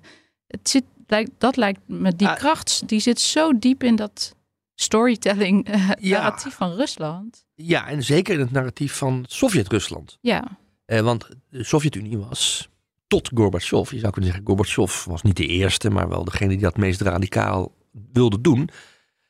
Uh, het, de samenleving wilde demobiliseren. En de mensen weer gewoon naar huis wilden laten gaan. In plaats van permanent onder, onder druk te zetten dat ze naar de kazerne kunnen komen. En de, de, op zich is het natuurlijk een pion, is het, uh, is het een leuze die ook van de pad, bij de padvinders geldt. Maar in, de, in, in Rusland was um, de leuze van de pioniertjes. Eh, bij de, jongste jeugdbeweging van de communistische partij. De leuze was paraat, altijd paraat. Dus je bent permanent alert op een oorlogstoestand. Nou, dat was gestolen van de padvinders. Maar in, in, in, in de Sovjet-Unie eh, werd dat idee van altijd paraat zijn, altijd alert zijn, uh, doorgetrokken naar de hele samenleving. En dat zie je nu weer helemaal. Die mobilisatiecultuur, die vanzelfsprekend is, uh, is in alle delen van de samenleving weer doorgedrongen. En dat leidt ertoe dat bijvoorbeeld recent de dienstplichtige leeftijd voor de reservisten weer verhoogd is met vijf jaar. Dus als je een hoge militair bent geweest, kun je tot je zestigste worden opgeroepen om gemobiliseerd te worden. En iets lager uh, rangen, uh, waar je dichter in de frontlijn wordt gestationeerd en dus meer kans hebt om te sneuvelen, uh, tot, tot, tot 50 jaar. En je ziet helemaal geen discussie daarover in de Russische samenleving. Althans, ze zullen er, die discussie zal er ongetwijfeld zijn, maar het idee dat je paraat moet staan altijd voor de staat. Dat is zo diep geworteld. Dat kennen wij niet. In Generaties oud is het natuurlijk. Het is geen dilemma. Ja, ook, is geen ook de jongeren morele kwestie. Wil je dit? Nee, ook de jongeren worden nu beïnvloed door dat idee. Terwijl als je in Nederland zou, in Nederland zou zeggen van uh, je, je, moet gemobiliseerd worden voor het bestrijden van een, uh, van een uh, zomerstorm. Hè, om bomen te kappen en, en, in stukken te zagen, zodat het verkeer weer door kan rijden. En dan zegt de gemiddelde Nederlander, wat schuift het? Nee. Maar ja, dat is in Rusland volledig uh, onderdeel van de samenleving. Ja. En dat komt voor deel door de Sovjet-Unie hoor. Het is niet alleen, maar het zit niet, in de, niet, niet, niet louter in de, in de oude tsaristische Russische cultuur. De Sovjet-Unie heeft die mobilisatie um, gewoonte uh, heel erg gevestigd. Maar de raadsel is, kijk, dat, dat boek van Alexievich, dat gaat over oudere mensen in wezen. Ja, die zijn eigenlijk al. Sovjet-sukkels noemt so, Sovjet, ja. Sovjet stoffer een blik. Hè? Dus daar kan je alles mee. Maar ook de jongeren laten zich daar in, in Rusland laten zich daardoor ja, inspireren. Ja, de creatieve nostalgie van een tijd die ze eigenlijk niet meegemaakt hebben, maar toch, ja, maar toch willen herleven of het, het bijna toen, projecteren dat, dat dat de weg is om op te gaan. Het was toen beter. Ja. Eh, ik, straks krijgen we ook nog in Rusland de stemming dat in de rij staan voor een kilo tomaten of voor een pak melk. Ja, dat... Ook nog als een verdienste wordt gezien. Ja. Hè? Wat in de Sovjet-Unie uh, niet ter discussie op het eind van de, van de samenleving heel normaal was, omdat er tekorten waren. Ja. Ik sluit niet uit dat het nog gaat gebeuren. Maar mag ik dan nog een vervolgvraag stellen? Want ja, ik daarna moeten we nog een aantal uh, andere dilemma's en kwesties in de kaak stellen. Want ik appte met mijn oom, uh, Andri, die komt uit Odessa. En um, nu, even, ik moet het even opzoeken wat hij zei. En ik hoop dat ik het verband goed kan leggen, want dat is altijd nog maar de vraag, natuurlijk. Um, dat weten wij ook niet. In, het, in Rusland zijn ze dus al super lang bezig met dat militaire narratief, dat militaire verhaal. Tegelijkertijd, om uh, überhaupt en dit moeten jullie me echt verbeteren, want zo goed ben ik daar niet in. Mijn oom appte dit. Het is jammer dat we niet langer over wapens beschikken waardoor de Russische federatie niet zou durven aanvallen. We hebben die wapens aan hen overgedragen onder druk van westerse partners. Nu hebben we niets om die lanceerplatforms en de raketlanceersystemen aan de Russische zijde te neutraliseren. En ze maken er straffeloos gebruik van. Dus zou je het niet zo kunnen zien dat als je twee ja, van die. Uh, het over kernwapens, hè? Ja, zoals, ja, en als je een grafiek zou maken van Rusland is iets aan het opbouwen, terwijl een ander land iets eigenlijk ten goede van vrede en soevereiniteit aan het afbouwen is, dat het ook een perfect moment is om nog die test nog meer te vergroten eigenlijk. Of op, maar nu ga ik misschien te ver. Vanuit de Russische eh, optiek bedoel je? Ja, tactisch gezien is het natuurlijk helemaal een ik, perfect ik weet het moment. Niet. Ik, ik, ken oom André niet, maar uh, ik denk dat hij bedoelde op het feit dat ze in 1994... ook. Ja, natuurlijk. Nou, ja, vind ik niet gek eerlijk gezegd. Nee. Maar hij, denk, hij bedoelt, hier, uh, doelt hier op de beslissing in 1994 van de Oekraïnse regering om de kernwapens die op Oekraïns grondgebied waren gestationeerd als erfenis zou je kunnen zeggen van de Sovjetboedel. Mm -hmm. uh, Oekraïne was toen in 1991, toen de Sovjet-Unie ophield te bestaan, de derde kernmacht ter wereld. Hè? Na uh, Rusland en uh, de Verenigde Staten, maar nog voor Kazachstan en Belarus en China, Frankrijk en Engeland. die zijn toen in 1994 onder druk van de Amerikaanse regering ontmanteld. In ruil voor trouwens heel veel geld hoor. Het is niet, ja, het is niet alleen maar een concessie geweest van de Oekraïnse regering. En onder, ook in de ruil voor de, en dat is waar de Oekraïners nu zo kwaad om zijn, en wel met recht en reden vind ik, uh, de garantie, zoals het in het Russisch heette, en de verzekering, zoals het in de Engelse vertaling van het verdrag heette, dat de andere kernwapenmogendheden, Rusland zelf, notabene, Frankrijk, Engeland, uh, de Verenigde Staten en later ook China, zouden ingrijpen wanneer de Oekraïnse soevereiniteit, zowel territoriaal, politiek als economisch, zou worden bedreigd door een van de kernmogendheden die dat Boedapester memorandum Hmm. van 1994, want het is getekend in Boedapest, uh, zouden schenden. Nou ja, dat heeft het Westen niet gedaan. Nee, dat is en wel dit is wat, denk ik, wat, wat, wat in deze tekst naar voren komt. Uh, jullie hebben ons eigenlijk bedonderd. Ja, we zijn genaaid, even kort door de bocht. Ja. Zo zou je ook weer de tweet van Zelensky tijdens de NAVO-top erbij kunnen pakken. Want Oekraïne heeft geen vorm van afschrikking meer. Ze hebben geen kernwapens. Die hebben ze vrijwillig, hè, hartstikke Ja. aardig van ze opgegeven en, en een smak geld gekregen. Uh, ze hebben geen uh, boots on the ground. Ook al was er een afspraak dat als we bedreigd worden, dan komen landen ons helpen. Um, nou ja, uh, misschien was de NAVO-mantel dan de bescherming geweest. Maar die komt er voorlopig niet. Die hangt nog aan de kapstok en die komt er pas als ze weer helemaal uh, uit een oorlog zijn. En als alle vrienden het er dan ook over eens zijn dat het moment daar is. Um, dus weer met allerlei voorwaarden. En ik denk dat dat ook de, de woede vanuit Oekraïne op dit moment is. Hmm. Hoe gaan jullie ons beschermen? Want alles wat jullie doen, dat stopt Rusland niet. Er is geen, geen deterrence, er is geen afschrikking. Nee, het enige wat wij doen in het Westen is proberen om de Russische economie op de knieën te krijgen met onze sancties. Ja. Maar ook dat lukt een beetje, maar um, is niet zo snel gegaan als velen uh, sanctiearchitecten uh, en strategen in het Westen dachten. Ja, die waren een beetje vergeten dat Rusland een, een grote mate van autar autarkie heeft, hè, zelfvoorzienigheid heeft. Um, dat is wat wij in het Westen wel proberen. Uh, en dat werkt ook wel een beetje. Maar de Oekraïners hebben geen tijd om nog vijf jaar te wachten. Nee. Op de ondergang van de, Oekra van de Russische economie. Als die al komt trouwens. Uh, er is wel iets bereikt hoor. Laten we nou niet aan, aan, aan zelfkastijding helemaal doen. Een van de belangrijkste dingen volgens mij van de afgelopen weken is de keuze die Turkije gemaakt heeft voor een eventueel Oekraïns lidmaatschap van de NAVO. Erdogan heeft gezegd, uh, wat mij betreft mogen ze lid worden. En dat was denk ik wel uh, onverwacht en, uh, en wel een opsteker voor, voor Oekraïne. En het is in geval een, een zeepert voor Poetin, die steeds maar hoopt dat de Global South, zoals het heet, hè, niks wil weten van het Westen. Want die hebben ook allemaal rekeningen openstaan met ons, hè, de Amerikanen en de West-Europeanen. En zijn idee is, de Global South zal op zijn minst neutraal blijven. Nou, Erdogan heeft toch een beetje partij gekozen met zijn Mhm. keuze voor een eventueel NAVO-lidmaatschap van Oekraïne. En dan komt dan nog bij dat hij nu ook niet welkom is in Zuid-Afrika, Poetin.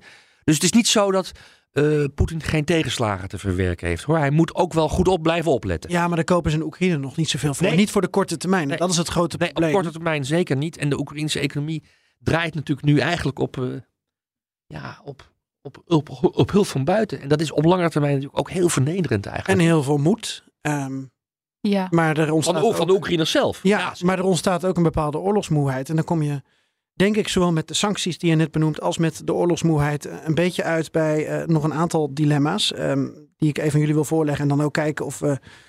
ehm, ja, of we alles wat we nu voorbesproken hebben daar ook mee kunnen, kunnen verbinden. Ehm, laten, we, laten we met die sancties beginnen, eh, Hubert. En met, met, met de sport. Voetbal is oorlog. Voorpagina van de sportkatern van de Telegraaf op, wat is het, woensdag 26 juli. Ajax sponsort indirect de oorlog. Je hebt het artikel gelezen. Jij volgt al langer ehm, de manier van zaken doen tussen Russische bedrijven. eh, of tussen westerse bedrijven en Rusland. Mhm. ehm, wat op een bepaalde manier niet meer zou mogen of moeten of kunnen. Eh, allereerst, hoe, hoe lees jij dit artikel? Eh, dit, dit gaat over een poging van Ajax om een middenvelder, een aanvallende middenvelder ehm, van Armeens-Russische afkomst te laten transfereren van de voetbalclub Krasnodar in het zuiden van, eh, van Rusland, grenzend aan Oekraïne, die provincie. Aan de Zwarte Zee. aan de Zwarte Zee, ja, te transfereren naar, naar Ajax. Eh, de voetbalclub Krasnodar is in handen van, eh, ja, van een Russische oligarch. Die een beetje vergelijkbaar die een, winkelketen heeft. Een supermarktketen. Een beetje vergelijk, vergelijkbaar met Plus of Deen in Nederland. Ja, mag niet. Maakt niet. Die Russische oligarch die heeft, zit ook in de wijnbouw. Die, die verbouwt Chardonnay en, eh, en eh Rieslingdruiven daar in het zuiden van Kan Rusland. goed aan de Zwarte Zee. Ja, dat kan heel goed. Ja. Ehm, Het is wel een heel eh, smakelijk verhaal op dit moment. maar het allerbelangrijkste is wel dat deze Russische eh, monarchaag, oligarch, Ja, Monogar komen we misschien zo nog op. op hoe die oligarch, eh, ehm, zoals heel veel Russische oligarchen, loyaal is aan, aan het regime. Het regime ook moet betalen uit dankbaarheid voor de mogelijkheid om puissant rijk te worden. En dat hij ook niet voor niks eh, staat op de sanctielijst van de Verenigde Staten. Niet op de Europese, maar wel op de Amerikaanse sanctielijst. Dus we hebben hier te maken met, je zou kunnen zeggen, iemand die het mogelijk maakt dat Poetin en, en zijn omgeving deze oorlog kan voeren, ook in financiële zin. Dus als je handel doet met zo'n voetbalclub, ik kan de kwaliteit van deze middenvelder niet beoordelen. Ik heb Maar daar gaat het nooit misschien ook niet eens om. Als je handelt met deze voetbalclub, dan drijf je handel met een door de Amerikanen op zijn minst gesanctioneerde oligarch. Want de voorzitter van de voetbalclub FC Krasnodar bepaalt wat die club doet. We hebben hier niet te maken met een democratische eh, sportclub. Ehm, en dat is een man die eh, vervolgens, eh, zoals gebruikelijk is voor alle oligarchen, een deel van zijn winst afdraagt aan het Kremlin. En nu ook andere extra belastingen betaalt aan het Kremlin om de Russische begroting nog een beetje op orde te houden. Dus het is heel simpel. De Telegraaf heeft gelijk. Als Ajax deze voetbal, voetballer, voor, al is het maar voor 15 miljoen, het is niet veel geld, schijnt in die wereld, maar dan draagt Ajax bij aan eh, de oorlogseconomie van Rusland. En dat is niet alleen een morele kwestie volgens mij, dat is gewoon ook een juridische kwestie. Dus ik zou zeggen, als ik eh, zou werken bij de Fiat of een andere opsporingsdienst, breng eens een bezoekje aan, eh, aan, aan de boekhouder van Ajax. Eh, dat, die heet eh, Suzanne Lendering, weet ik sinds kort. Financieel directeur van Je, Ajax. je hebt even de schatkistbewaarder van Ajax opgezocht. Ja, wist, dat weet ik niet uit mijn hoofd. Dus ik dacht, ik moet even opzoeken. Die vrouw is gewoon waarschijnlijk ook persoonlijk aansprakelijk hiervoor. Dus het is niet alleen een morele kwestie. Oh, dat ik is zou- voor haar wel vervelend. Ik zou als ik eh, Suzanne Lendering was en ook als ik eh, die nieuwe eh, Sven Mislintat, ik moet nog even zijn naam oefenen. een Duitse de- technisch directeur. Ja, de nieuwe technische directeur van Ajax, de opvolger van Mark Overmars even voor het gemak. Ehm, als ik was, zou ik nerveus zijn. Zou ik zeggen, gaan we maar even niet doen. Het enige waar ze op kunnen hopen is dat de Nederlandse regering en het, eh, het ministerie van Financiën, de Fiat en andere opsporingsorganisaties, inspecties in Nederland net zo slap opereren ten opzichte van Ajax als ze geopereerd hebben afgelopen anderhalf jaar tegen de Russische tegoeden die gestationeerd zijn op de Zuidas in Amsterdam. Dan komen ze hier weg mee bij Ajax.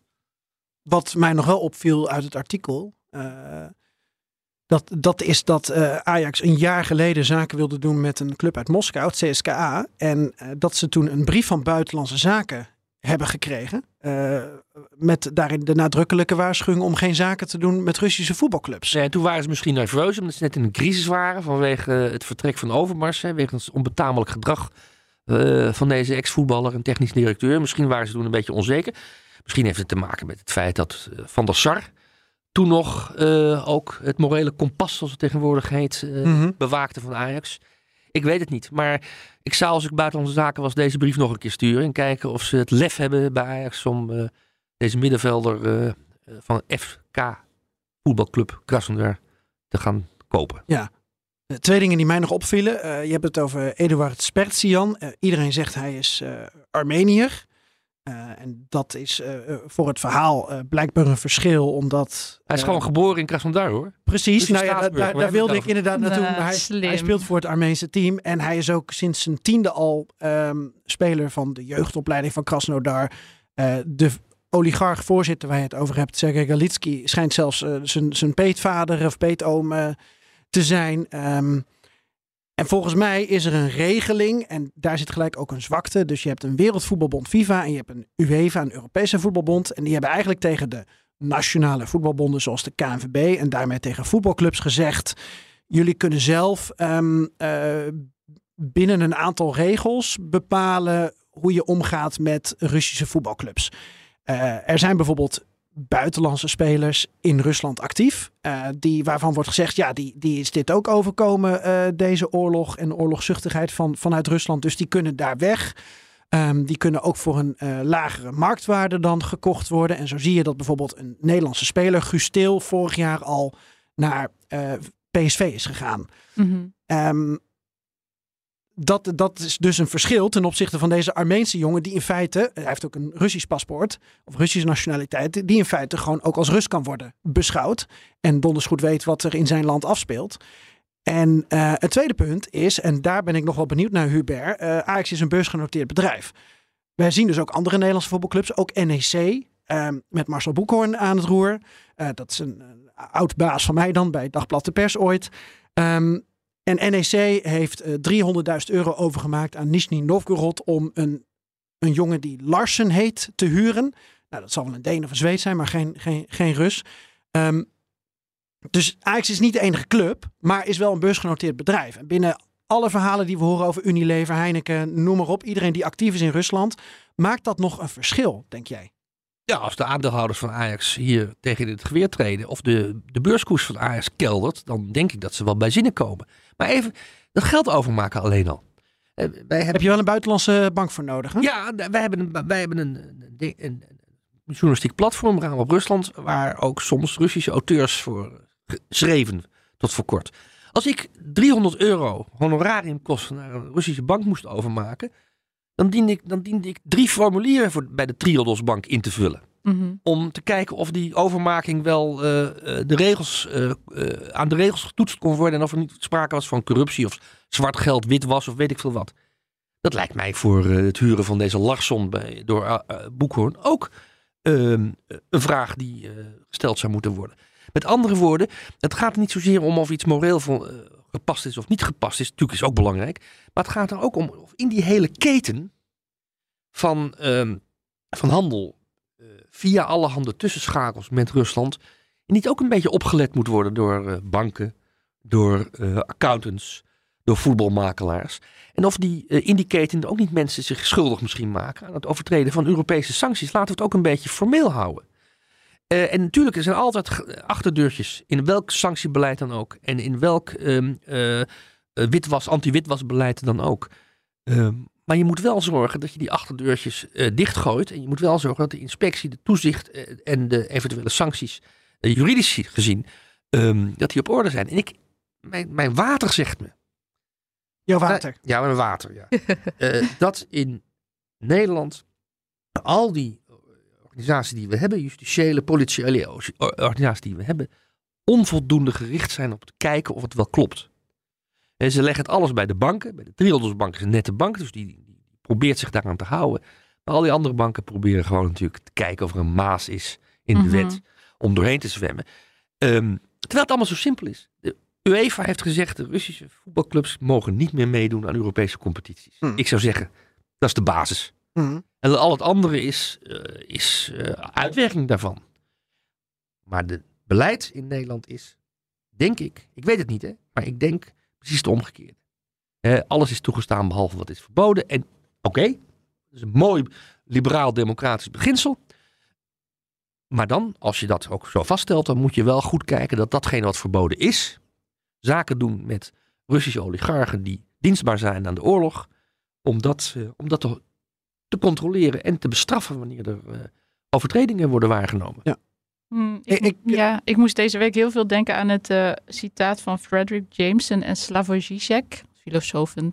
Oh, wauw, daar had ik... Eh, eh, Zizek, daar ga ik af. daar had ik bij Ajax niet gelijk eh, aan gedacht. Maar Ehm, wel. En nou, het is een heel korte quote. It's easier to imagine the end of the world than the end of capitalism. Ik denk dat dat de afgelopen tijd heel veel geld toch.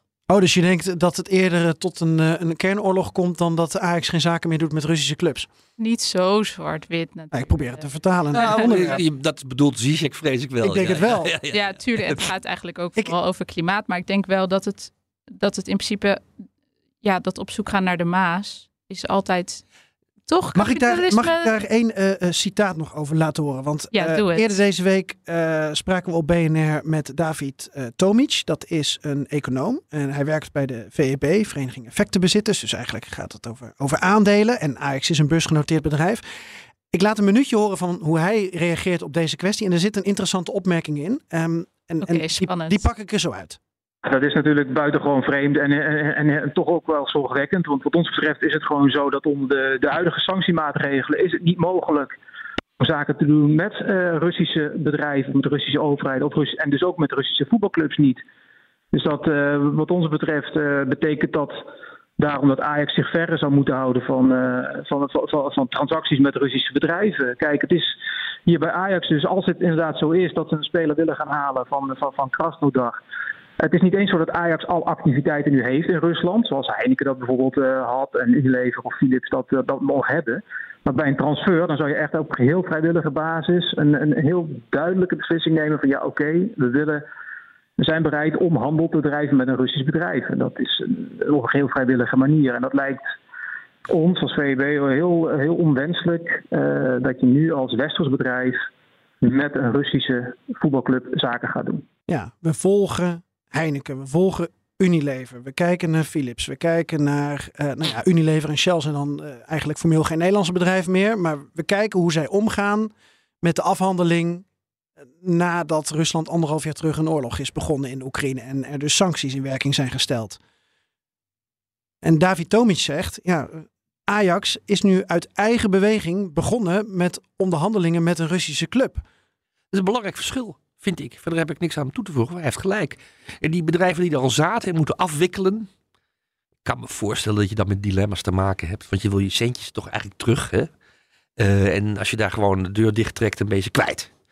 Ehm, en dat is dan ook het verhaal wat ze altijd eh, hou- ophangen. Hè? Ook die, die nieuwe baas van Unilever die zegt... ja, onze 3000 werknemers... ook een belang waar we op, voor, op moeten letten. Dat is ja, mooi gezegd. En hij zal het ongetwijfeld ook wel een beetje menen, maar toch vooral op zondagmorgen wanneer de kerkdeuren open gaan, niet daarna. Ehm, maar Ajax, en dat zegt Tom iets goed, die, die, die begint iets. En dan gaan ze ongetwijfeld zeggen bij Ajax, sport en politiek hebben niks met elkaar te maken. Hè? Maar Yevgen eh Levchenko, de voorzitter van de Vereniging van Contractspelers in Nederland, dus de vakbond van eh, beroepsvoetballers, die is volstrekt helder daarover en ik denk dat hij gelijk heeft. Iedereen die in Rusland, het huidige Rusland, sport bedrijft, heeft een directe of een indirecte relatie met het regime. Je kan in Rusland geen sportcarrière maken zonder in de houding te staan voor Poetin. Als je niet in de houding staat voor Poetin, als je je, verzet tegen het regime in Moskou, dan word je gestraft. Uh, dan krijg je te maken met sancties die je hele carrière kapot kunnen maken. Het oude Sovjet-systeem, waarbij uh, elke sporterman eigenlijk ook sergeant was in het leger, bestaat nog steeds, zij het op een iets andere manier. Soms trouwens nog steeds in dezelfde manier. Nog steeds zijn heel veel Russische sporters formeel uh, in dienst van de Russische krijgsmacht. Een van de beste voorbeelden is een Pol, Polstok hoogstok, ah. Ja, ja. Eh, die uh, zich heeft, uh, die altijd heeft uitgesproken voor uh, de Russische regering. En die is ook, heeft ook een rang in het leger. En, Yevgen, en intussen stuurt ze haar kinderen op Tenerife uh, naar een Spaanse school, een ja, Europese school, uh, waar ze ontroerend goed heeft. Natuurlijk, want, want daar is het onderwijs een beetje beter. Een aanval daar is uh, in hun ogen, daar heb je meer perspectieven op een baan op de westerse arbeidsmarkt. Minder drones ook. In Ook ieder dat- geval ook, de drones. ook dat, ja. maar Yevgen Levchenko, die ik heel serieus neem, omdat hij echt verstand heeft van zowel sport als Rusland en Oekraïne, want hij komt zelf uit de Donbass. Daar is hij geboren en getogen. Die zegt, er is eigenlijk geen Russische topsporter die zich niet uitspreekt. Hè, als je zich uitspreken, dan een ander verhaal tegen, tegen de oorlog en tegen het regime. Maar er is geen Russische sporter te vinden die zich zogenaamd neutraal opstelt, die niet feitelijk dienstbaar is aan de regering in Moskou en die niet ook iets te danken heeft aan het Poetin-regime. Allemaal zijn ze onderdeel van de phalanx die eh, de Russische samenleving en Poetin nu probeert eh, te formeren. En daarom kan je ook eigenlijk geen mededogen hebben met zogenaamd neutrale sporters in Rusland, zegt hij. Sporters die zich uitspreken, die hebben, we- moeten we beschermen. Want die lopen gevaar. En dat kunnen tennissers zijn, dat kunnen schakers zijn, dat kunnen eigenlijk alleen maar individuele sporters zijn. Maar collectieve sporters zitten allemaal in het systeem. En hij heeft dat zelf een keer ook meegemaakt. Hij heeft gevoetbald in Rusland. En hij zegt, als ik eens een keer iets wilde doen, ons uitspreken tegen iets wat er gebeurde in Rusland, als voordat de oorlog begon tegen Oekraïne, haakte iedereen af. Voordat de oorlog in, tegen Oekraïne begon, Ja. haakte iedereen af. Hm. Want iedereen weet, mijn boterham wordt aan die andere kant gesmeerd. En daarom moeten we eh, ook gewoon kijken naar de sport en de sportbetrekkingen met Rusland in politieke termen. Sorry, het is niet anders. Ehm, dat is de werkelijkheid. Ja, en Ja, ik, ik kreeg ook reacties eh, eh, in, in mijn tijdlijn op Twitter. Nou ja, dan. ehm, eh, terwijl ik meer de discussie erover wilde starten. Ehm, maar dan werd er bijvoorbeeld gezegd. Nou, sommige mensen hadden zich ingelezen of dachten zich te hebben ingelezen. En zeggen dan van ja, maar deze eigenaar van Krasnodar, dat is nou iemand die niet gelieerd is aan het Kremlin, die, die, die zich daar verre van houdt. Ik wil jullie heel even een fragment laten horen. Het is in het Russisch ehm, eh, van Oleg Tinkov. Eh, dat is ook een eh, Russische rijke man die actief is in de sport. Maar stelling genomen heeft tegen het bewind. Ja, en eh, met behulp van Richard Branson, dan ook nu van de Britse sanctielijst, geloof ik, is gehaald daardoor. Die was een paar dagen geleden op eh, TV Rain, Dorst. En die ehm, ging tekeer tegen de eigenaar van FK Krasnodar. Van die voetbalclub waar Ajax dus zaken mee wil doen. Dat is Sergej Galitski. Ja, Lisa, volg je het nog? Ik, Ja, ja, ik zit er helemaal we, gaan, in. we gaan je zo over horen. E- Even in het Russisch luisteren en dan, dan zullen we zo vertalen. И Мельниченко, и там и Галицкий, там, и там, сказать, партнеры Абрамовича, там, далее, так далее. Они все говорили то же самое. Но публично я высказался один, и они все испугались. Мне там Галицкий пару раз звонил. Ой, ну я, наверное, тоже завтра выскажусь. Ой, я послезавтра выскажусь. Вот я сейчас прям скажу. А в итоге я оказался один. Это знаете, как вот это знаменито, когда все договорились, один прыгнул, остальные остались. Ja, hij lacht als een boer met kiespijn, want met mensen als eh Abramovic of eh ja, Galiski is dan het accent, de klemtoon, heeft hij dan contact gehad. En dan zegt hij, ja, maar ze zeggen dan tegen mij, oh, eh, eh, morgen zullen we afstand Mhm. nemen van het Kremlin, zullen we afstand nemen van deze oorlog. En vervolgens blijft het stil, zijn ze afwezig. En dan kom je uit bij jouw punt, Hubert, want jij zegt, ja, eh, je kunt niet neutraal zijn in deze oorlog, want neutraal betekent in feite dat je partij kiest. Ja, Tinkov zelf is daar een goed voorbeeld van. Hij heeft zich wel uitgesproken tegen de oorlog en dus tegen het regime. En een week later was hij zijn bank kwijt. Hij had een bank, particuliere bank. En een week later eh, zei eh, de centrale bank van Rusland dat er iets niet klopte eh, onder de boekhoudkundige post. In, inkomsten, uitgaven, reserves en weet ik veel wat. Er was iets mis in de boekhouding. Toen was hij zijn bank kwijt. Eh, en deze jongetjes, de jongens, sorry, eh, deze oligarchen, die willen natuurlijk hun bedrijf niet kwijt.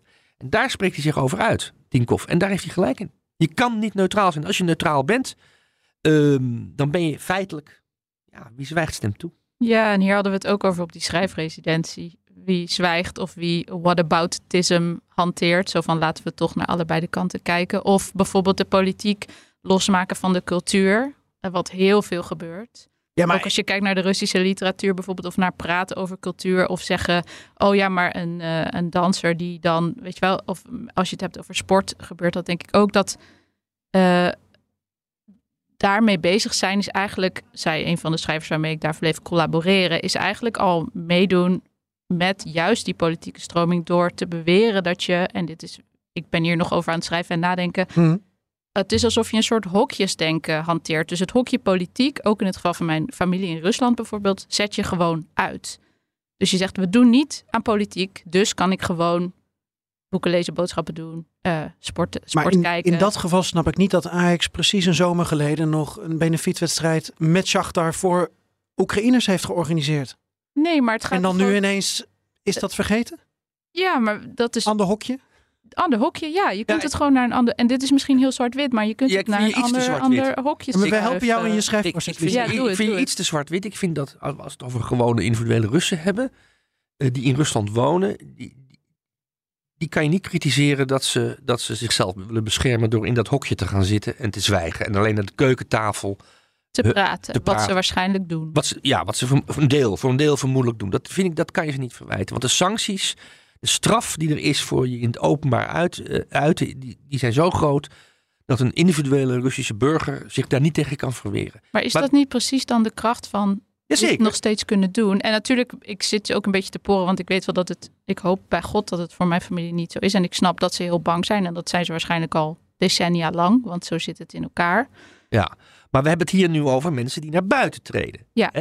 Sporters die eh, naar het buitenland gaan om zich te meten met, met andere sporters. We hebben het hier over zakenlieden die, ehm, die een iets meer bescherming eh, hebben. Althans, die iets meer risico zouden kunnen nemen. Bijvoorbeeld omdat het hier over Galitski en, en, en, Abramovic et cetera gaat. Omdat ze hun schaapjes op de Cayman- Cayman-eilanden of op Cyprus echt op het droge hebben. Die hoeven financieel geen grote risico's te nemen, persoonlijk. Daar kan je wel wat van eisen. Ja. En, ehm, en, en dat moeten we doen, eh, ook in culturele kringen. De, de Hermitage heeft recent eh, de naam van het museum veranderd. Nou goed, wat de, hoe ze dat gedaan hebben, en, eh, dat kan je van, over van mening verschillen. Maar de, de grote baas van de Hermitage in Petersburg, Petrovsky, de directeur van het mooiste, grootste museum ongeveer ter wereld. ehm, die man heeft zich uitgesproken een jaar geleden voor de oorlog. Sterker nog, hij heeft gezegd ehm, dat hij een rol speelt in die oorlog als museumdirecteur. En dat ook zijn collectie, als hij die tentoonstelt in het Westen, hè, een onderdeel was van de culturele strijd van Rusland tegen de decadentie die wij vertegenwoordigen hier in Europa. En de, in dat interview met hem was op, eh, daar was de kop boven gezet, een goede kop van een Russische krant.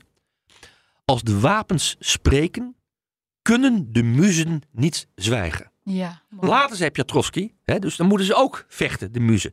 Later zei Piotrowski dat hij, dat hij onder druk stond, et cetera, et cetera. Ja, bullshit, kom op. Hè, Piotrowski, de baas van de Hermitage, is de zoon van de vorige directeur van de Hermitage. En zijn zoon moet de volgende directeur worden van de Hermitage. Dat is een dynastie die echt heel veel positie heeft in de Russische samenleving. En het zich kan permitteren om iets te zeggen. Permitage. En ze doen het niet. Nee. En die mensen kun je wel aanspreken op hun eh, vermengen van politiek en cultuur onder het motto dat het gescheiden trajecten zijn.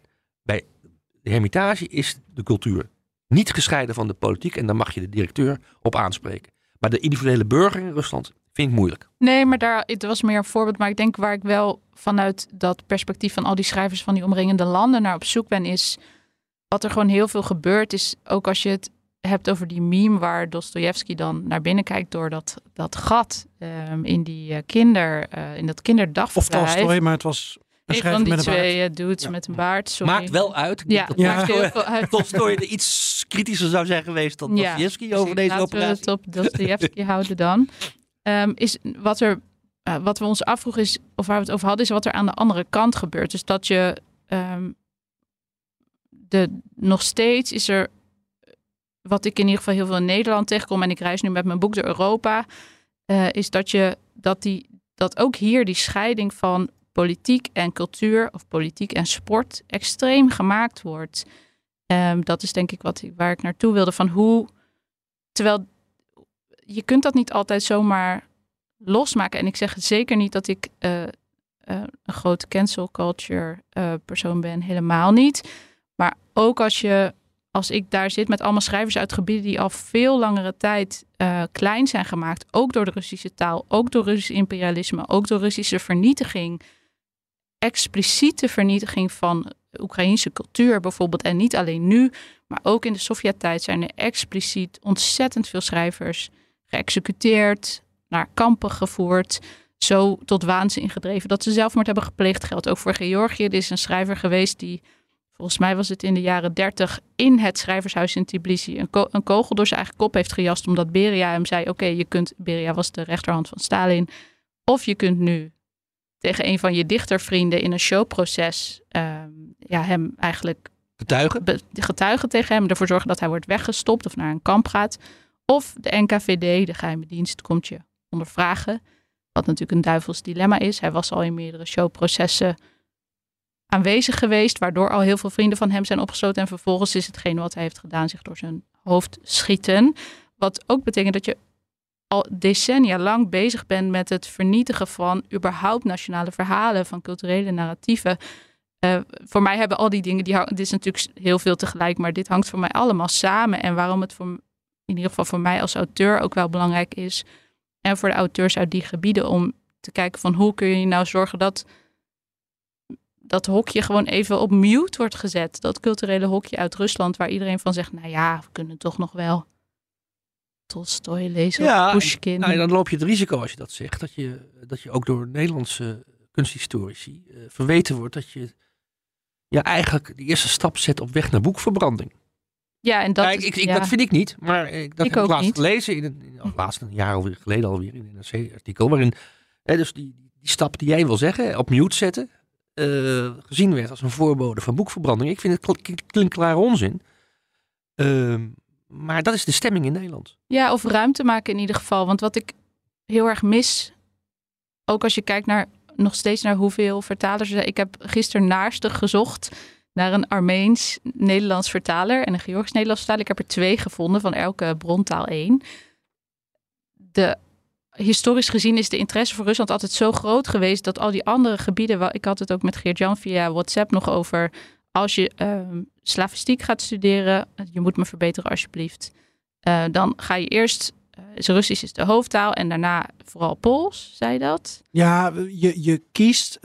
Ik, ik moet wel zeggen, dit was 15 jaar geleden. Ja, maar goed, dat is, dat is Eh, ook de tijd dan- waarin vertalers worden geboren en waarin vertalers überhaupt naar bepaalde gebieden gaan En, om en, en het gold in dit geval voor de, voor de UVA. eh, je koos een hoofdtaal.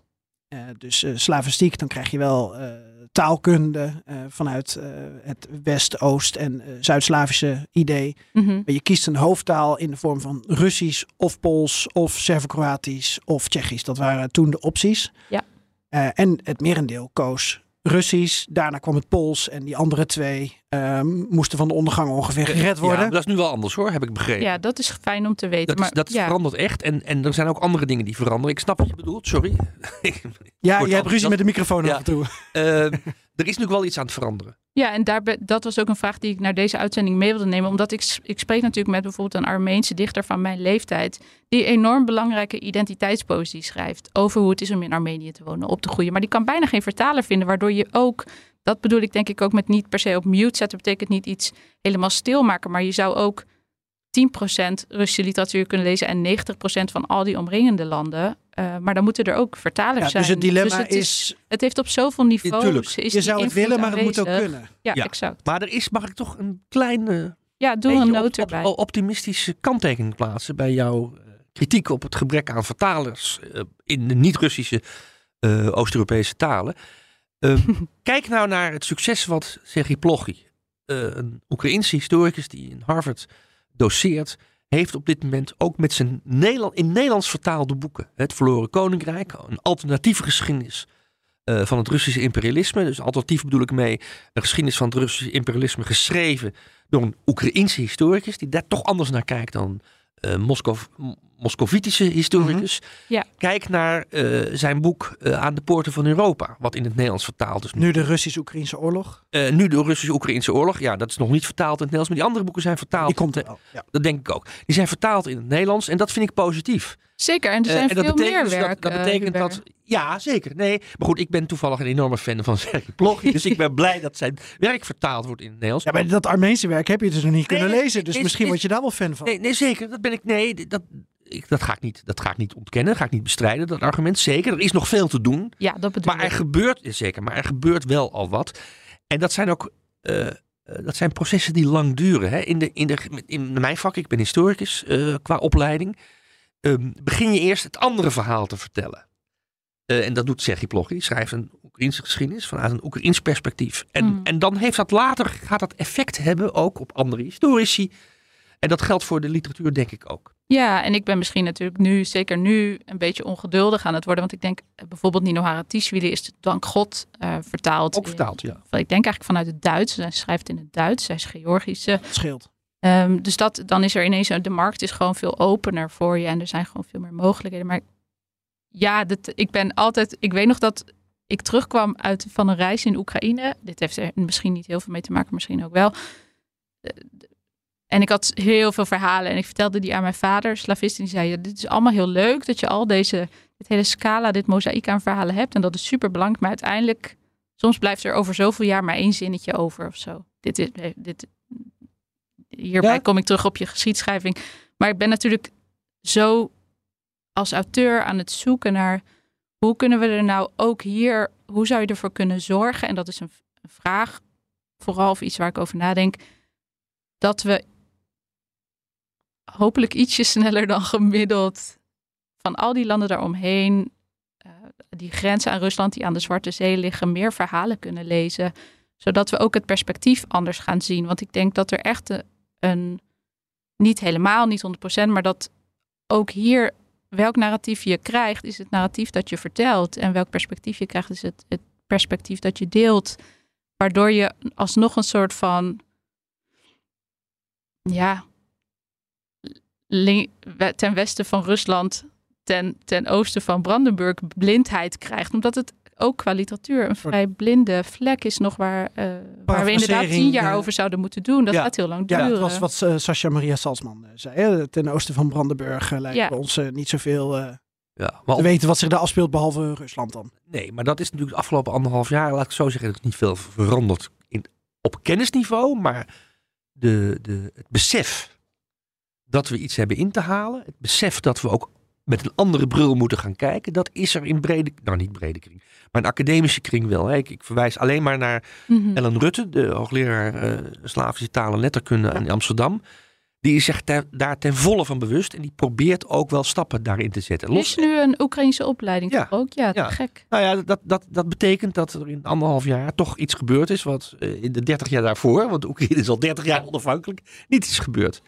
Dus in die zin, ja, dat is. eh, Ik, ik, zei- ik, elk nadeel heeft zijn voordeel. Ik, Ja. ik appte ook vrij eh, provocatief richting Lisa. Ehm, moet je dan ook op een Nederlandse universiteit voor, voor twee man en een paardenkop een, een taalkursus Georgisch opzetten om, omdat je die taal een warm hart toe wilt dragen? Zo werken helaas ook de verdienmodellen van universiteiten niet. Nee. Nee. Ik snap wel dat je het goede wil doen.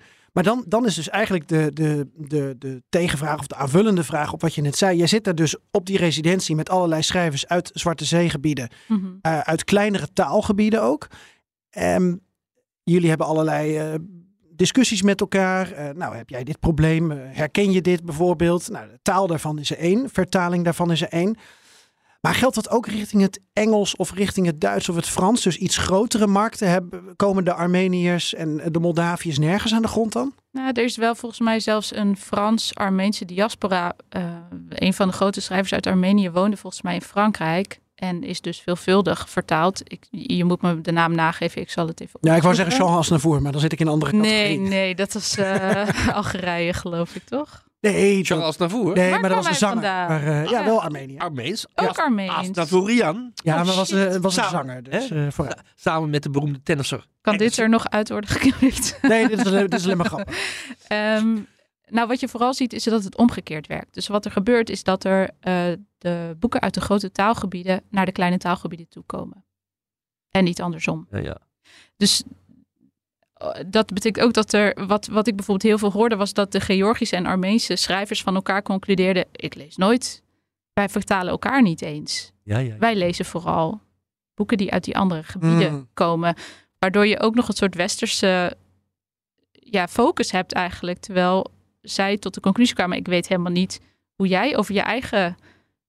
Ja, wa- wat je ook schrijft als schrijver kun je het natuurlijk over van alles hebben. Maar zelfs er is geen, soms niet eens een onderlinge uitwisseling tussen literatuur. Wat volgens mij ook interessant is om te onderzoeken. Ik ben nog niet, ik zou graag meer daarover willen weten. Ik wil graag terugreizen ook om die schrijvers te spreken en te kijken hoe die markten eigenlijk in elkaar zitten. Maar de westerse markt, vooral de grote landen, is enorm dominant. Ook in Nederland. Als je kijkt naar de top uh, eindjaar lijstjes aan het eind van het jaar, dat, de toptitels zijn niet Nederlands.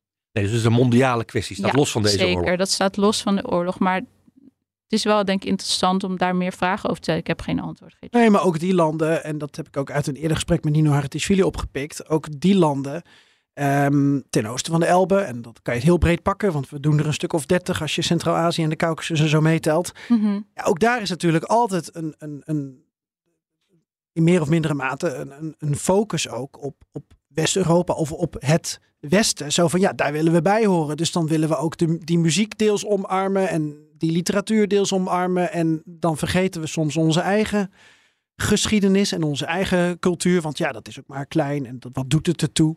Um, is een soort herwaardering eigenlijk van waar je zelf vandaan komt. Ja, en ik denk ook wel, en dit is misschien, uh, mijn partner komt uit uh, Roemenië, is vertaler, Nederlands-Roemeens. En wat ik wel, of we, hebben het ook wel over je misschien, en nu parafraseer ik haar, dus ik hoop bij God dat ze niet kwaad wordt. Ik weet niet. Uh... Ze is heel aardig en lief. Oké, okay, dan uh, komt het goed. Dus dat komt goed. Maar wat je, waar we het wel eens over hebben, is ook de frustratie van het ervaren van dat je een kleiner land bent, wat eigenlijk al heel lang vergeten is. Uh, Roemenië is niet per se klein overigens. Is nee, groter dan Nederland. Nou, ik vind dat het vrij veel vergeten wordt. ja. maar ook op de kaart wordt het vergeten. Maar ook um, dat westsplaining komt hier ook weer bij om de hoek kijken. Is dat je niet als een um, gelijkwaardige gesprekspartner wordt gezien. Als het bijvoorbeeld gaat over politiek. Of dat mensen hun eigen politieke West-Europese politieke stempel op jouw land willen leggen. Of hun ideeën op jouw land willen leggen. Maar wat er ook een beetje voor zorgt dat je deels het gevoel hebt dat jouw verhalen geen plek hebben. En dat geldt denk ik ook, zeker als ik het afgelopen week met die schrijvers over had, ook voor de literatuur. Um, maar ook, um, dat zorgt deels natuurlijk ook voor frustratie, denk ik. Dat is weer een heel ander punt. Maar ik denk ook als ik kijk naar mijn oom bijvoorbeeld, is ook veel frustratie van al meerdere decennia ertussen liggen. En eigenlijk voor een groot deel vergeten zijn, ook op cultureel gebied. En dat is en dan ben ik dus naïef, Hubert, dat ik denk, ja, dat kunnen we niet even inhalen. Even opschieten allemaal. Gewoon even allemaal fossiels toes lezen. En, nou ja, het is bijna uh, Cruyffiaans. Uh, je hebt denk ik iets minder met voetbal dan Hubert en ik, maar uh, het idee van elk nadeel heeft zijn voordeel. Die oorlog is verschrikkelijk, maar op een of andere manier is er wel meer aandacht gekomen Enorm. voor landen buiten Rusland. Dat landen überhaupt niet onderdeel zijn van Rusland. En daar zou je nu dan toch, maakt er nu dan maar gebruik van ook. Ja, en ik denk dat het echt leuk, ook leuk is. Ik ben nu, maar dat ze dan Polen of gaat uh, Tokarczuk. Tokarczuk aan Ja. het lezen. Uh, jaag je ploeg over de botten van de doden. Nou, als je echt... Volgens mij is Charlotte Pothuis Ja. daar de vertaalster van. Dus laten we dan één vertaalster even hier op het schild hijsen. Ja, te gek. Charlotte doet heel goed werk. Ehm, en dat boek is hilarisch. Als je deze zomer nog op vakantie gaat en je wil heel goed lachen om een boos oud vrouwtje in een Poolsdorp op de grens met Tsjechië, dan kun je je geluk op. Het is fantastisch. Taaltip, ja. Ehm, om in voetbaltermen dan weer te blijven, sorry, even in de absolute slotfase. Oh, nou klink ik echt als Wilfred Gené, sorry daarvoor. Eh, om eh, in de slotfase van deze bijna zomergastachtige editie van de Perestroikast ehm, nog één eh, dilemma waar ik mee zit aan te stippen. En dat krijg ik heel veel terug nu uit Oekraïne, wat daar gebeurt. Een discussie over ehm, wat doe je met het geld? Gaat het geld allemaal naar het front? Zelensky geeft aan, we moeten zoveel mogelijk geld nu in de defensie en de oorlog steken, want we hebben een oorlog te winnen. Dat is het allerbelangrijkste nu. Het gaat om ons bestaansrecht. Of um, kun je ook nog geld investeren in cultuur, in musea, uh, fonteinen, de plantsoenendienst. En dat zeg ik misschien wat gekscherend. Tegelijkertijd is dat wel wat burgemeesters als Klitschko in Kiev en Sadovi in Lviv doen. Hadden jullie daar iets van meegekregen dat die discussie nu in Oekraïne speelt, opleidt? En, en, maar wat is überhaupt je gedachte erbij? Nou, ik sprak een aantal maanden geleden Julia Kozlovets. Zij is de directeur van het Boekarsenaal Festival in Kiev. Vorig jaar hebben ze dat festival niet door laten gaan. Toen was uh, Kiev soort van bezet, dus was het vrij onmogelijk om een festival te organiseren. Maar dit jaar deden ze het wel. En ik denk dat het juist een heel, en zij zei dat ook, deze oorlog gaat niet alleen over territorium. Deze oorlog gaat heel erg over cultuur en identiteit. En wij moeten ontzettend laten zien dat wij dat nog steeds doen. Niet alleen omdat het naar buiten toe belangrijk is om te laten zien dat je als het grootste literaire festival, uh, een van de grootste literaire festivals van Oekraïne, nog steeds aan het werk bent. Dat je team aan het werk is. Uh, zij zijn ook aanwezig op boekvers. Oekraïne is overal aanwezig op boekvers met niet alleen uh, Oekraïnse schrijvers, maar bijvoorbeeld ook met Sergi Plochy, waarvan wordt laten zien van hé hey, kijk, dit wordt er allemaal over Oekraïne geschreven. Als je meer wil weten, kun je ook deze vertaling lezen of dit Engelse boek wat er al is. Want het is belangrijk om op een breed vlak die Oekraïnse cultuur uit te dragen. En het heeft een community functie. Namelijk dat mensen niet alleen maar s'avonds naar bed gaan en voor de zoveelste keer op die luchtalarm-app moeten kijken en denken, nou, zal het vanavond rustig worden of niet? Maar dat ze ook overdag mensen kunnen ontmoeten, naar die boekver kunnen gaan die eind juni plaatsvond, waar Zelensky trouwens de eerste avond binnenwandelde samen met zijn vrouw Olenka en natuurlijk de, de bodyguards om wat boeken in ontvangst te nemen. Om daar met, met de biografie van Steven Dirk zo uh, ja. tegen zijn shirt Ja, dat was een prachtig beeld. nee. Um, nou ja, we hebben het in Nederland, ik heb erover na zitten denken, we hebben het in Nederland ook over ruimtelijke ordening. Dat we het zo belangrijk vinden dat er groen is in de stad en, en, en water. En uh, dat we, on, nou ja, die community functie, dat we ons ook vrolijk voelen en naar buiten willen. En mm -hmm. in Oekraïne is er natuurlijk in zo'n groot deel van het land ook uh, niet dagelijks een oorlog. Uh, of moeten er dingen worden gerepareerd? Um, ja, waarom, waar, waarom zou dat daar dan niet voor kunnen gelden? Uh, waarom mag Klitschko niet, um, niet een fontein in miljoenenstad Kiev, waarbij iedereen weer terug is, installeren? Uh, zal ook wel een politieke gedachte achter zitten dat Zelensky geen fan is van Klitschko en van Sadovi? Ik sluit niet uit dat dat een rol speelt. Ik, ik, ben, ik vind dat ik als Amsterdamse kaaskop terughoudend moet zijn in het beoordelen van dit soort hmm. uh, politieke uitspraken van in dit geval Zelensky. Maar mag ik uh, ma verschuilen, laat ik het zo formuleren, Ja. achter Robert Serry, de eerste Nederlandse ambassadeur in het onafhankelijke Oekraïne in de jaren negentig van de vorige eeuw. Dat is een van de leidende mensen achter de organisatie Open Door Ukraine. En dat, die organisatie is begonnen met het repareren van kapot gebombardeerde daken. Ja. In Irpin. Ja, ik heb ze gezien in Irpin, ja. ja. Uh, en zijn standpunt is, en ik denk dat hij uh, uh, hetzelfde denkt als, als Lisa. Zijn standpunt is, de, het herstel van en de, de, wederopbouw van Oekraïne moeten we niet uitstellen tot na de oorlog. Uh, zeker niet als die oorlog tot Sint-Jutemus duurt. Nee, je moet juist nu beginnen met de wederopbouw, omdat dat perspectief biedt aan de uh, Oekraïnse gemeenschap. En het kan ook omdat Oekraïne, anders dan Rusland, een, een, een, een land is met veel meer civil society, met veel meer burgerschap dan in Rusland. Dus er zijn ontzettend veel initiatieven, burgerinitiatieven, die concreet bezig zijn met het herstellen van daken. Maar het onder, een, een, fontein is ook onderdeel van dat burgerschap. Is ook onderdeel van die civil society. Het hoeft niet alleen maar hoogwaardig cultureel te zijn. Of heel fysiek een dak boven je hoofd. En zijn kritiek is, van Robert Serri, op het Westen. Dat wij die vraag steeds willen uitstellen. We denken van nou, dat komt wel. Ze hebben alleen opbouw. maar tanks nodig. Ze hebben nu alleen tanks nodig. Het komt misschien ook heel goed uit. Want dan kan je de, de kosten een beetje voor je uitschuiven. Serri zegt, nee, we moeten nu ook al in, aan, in, in de weer gaan uh, in de, en, en bereid zijn te betalen voor de wederopbouw van Oekraïne. Want dat sla je twee vliegen in één klap. Je steunt de Oekraïnse civil society, de burgergemeenschap. Je geeft perspectief. En uh, je voorkomt dat um, je na de oorlog uh, de wederopbouw van Oekraïne uh, van scratch af aan moet, moet, moet beginnen. Mm -hmm. Met alle risico's ook in de corrupte sferen van dien. Hè? Want dan ineens komt er krankzinnig veel geld het land in. En dan gaan ook mensen, verkeerde mensen aan de kraan draaien. Dus ik denk dat um, het uitgangspunt is juist de kracht van de Oekraïnse gemeenschap en de Oekraïnse samenleving is dat ze zo levendig is. En dat ze zich niet van de terrassen laat verjagen. Ja, zeker. Ondanks deze oorlog.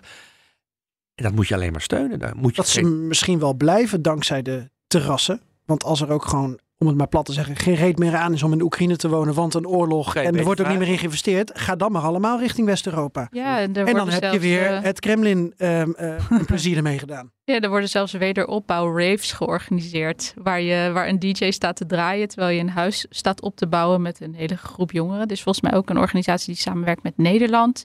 En dan kun je in je vakantie vrijwillig uh, daar naartoe gaan om dat te doen. En dan wordt er gekookt. En het, de video's die daarvoor worden gemaakt, ziet eruit als een soort schoolkamp eigenlijk. Wat natuurlijk een beetje absurd is. Maar Ja, maar alleen wij van moeten Zelensky mogen we de DJ niet meer betalen. Ja, nou, dat, oké. Maar ja, Ik zeg het wel kunstenaars zijn het wel gewend. om- Ja, weet je, Zelensky die, die, die, heeft, die, die die heeft ook zijn, zo zijn eigen koers. En die moet natuurlijk ook eh, proberen om de alertheid voor de militaire component van de oorlog, Zeker. eh, om die hoog te houden. Ja.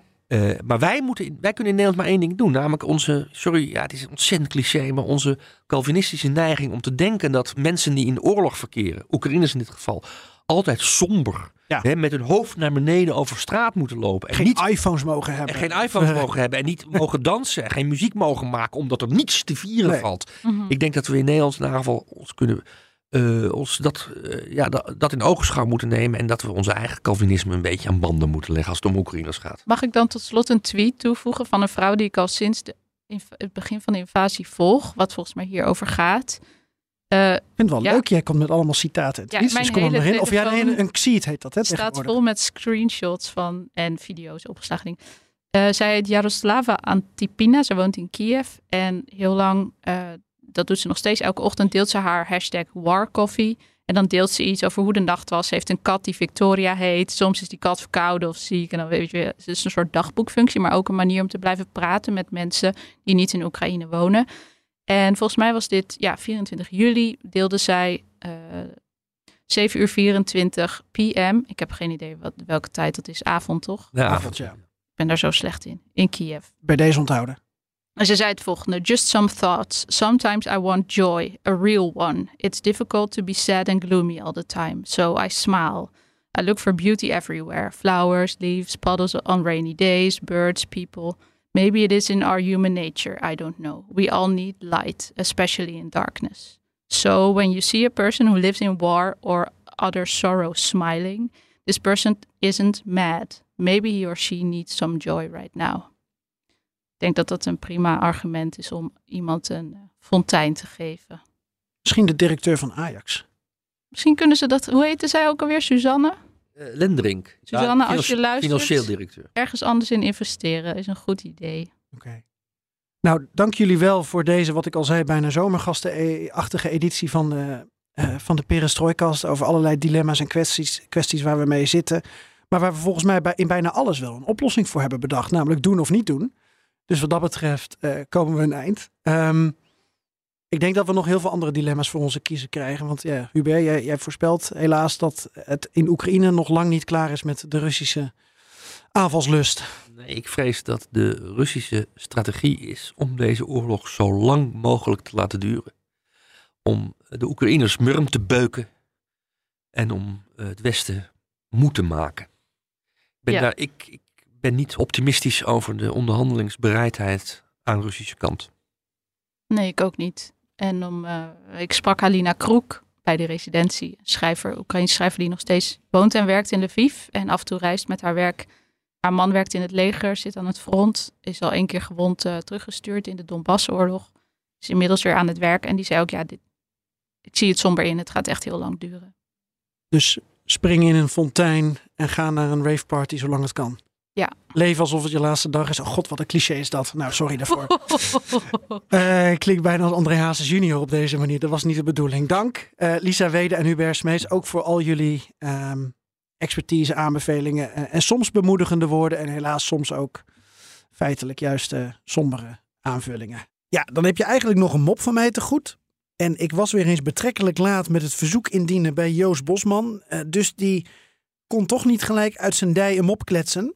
Maar ik heb er op YouTube een gevonden over Russisch voetbal. Dus laten we eens kijken of we hierom eh, kunnen lachen. What do you call a Russian footballer who keeps fouling? Send him off.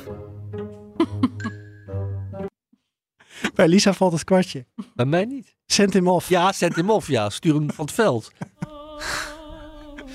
Ik, ik vind het niet zo. Ja, Niet zo grappig? Nee, nou. Het zal aan mijn, mijn humor liggen. Oké, toch bedankt dat jullie er wilden zijn.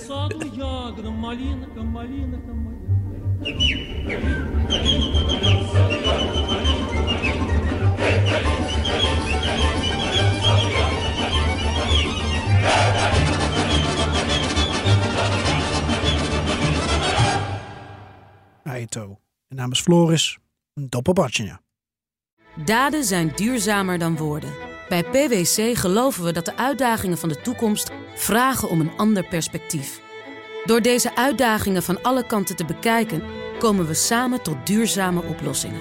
Zo zetten we duurzaamheidsambities om in acties die ertoe doen. Ga naar pwc.nl.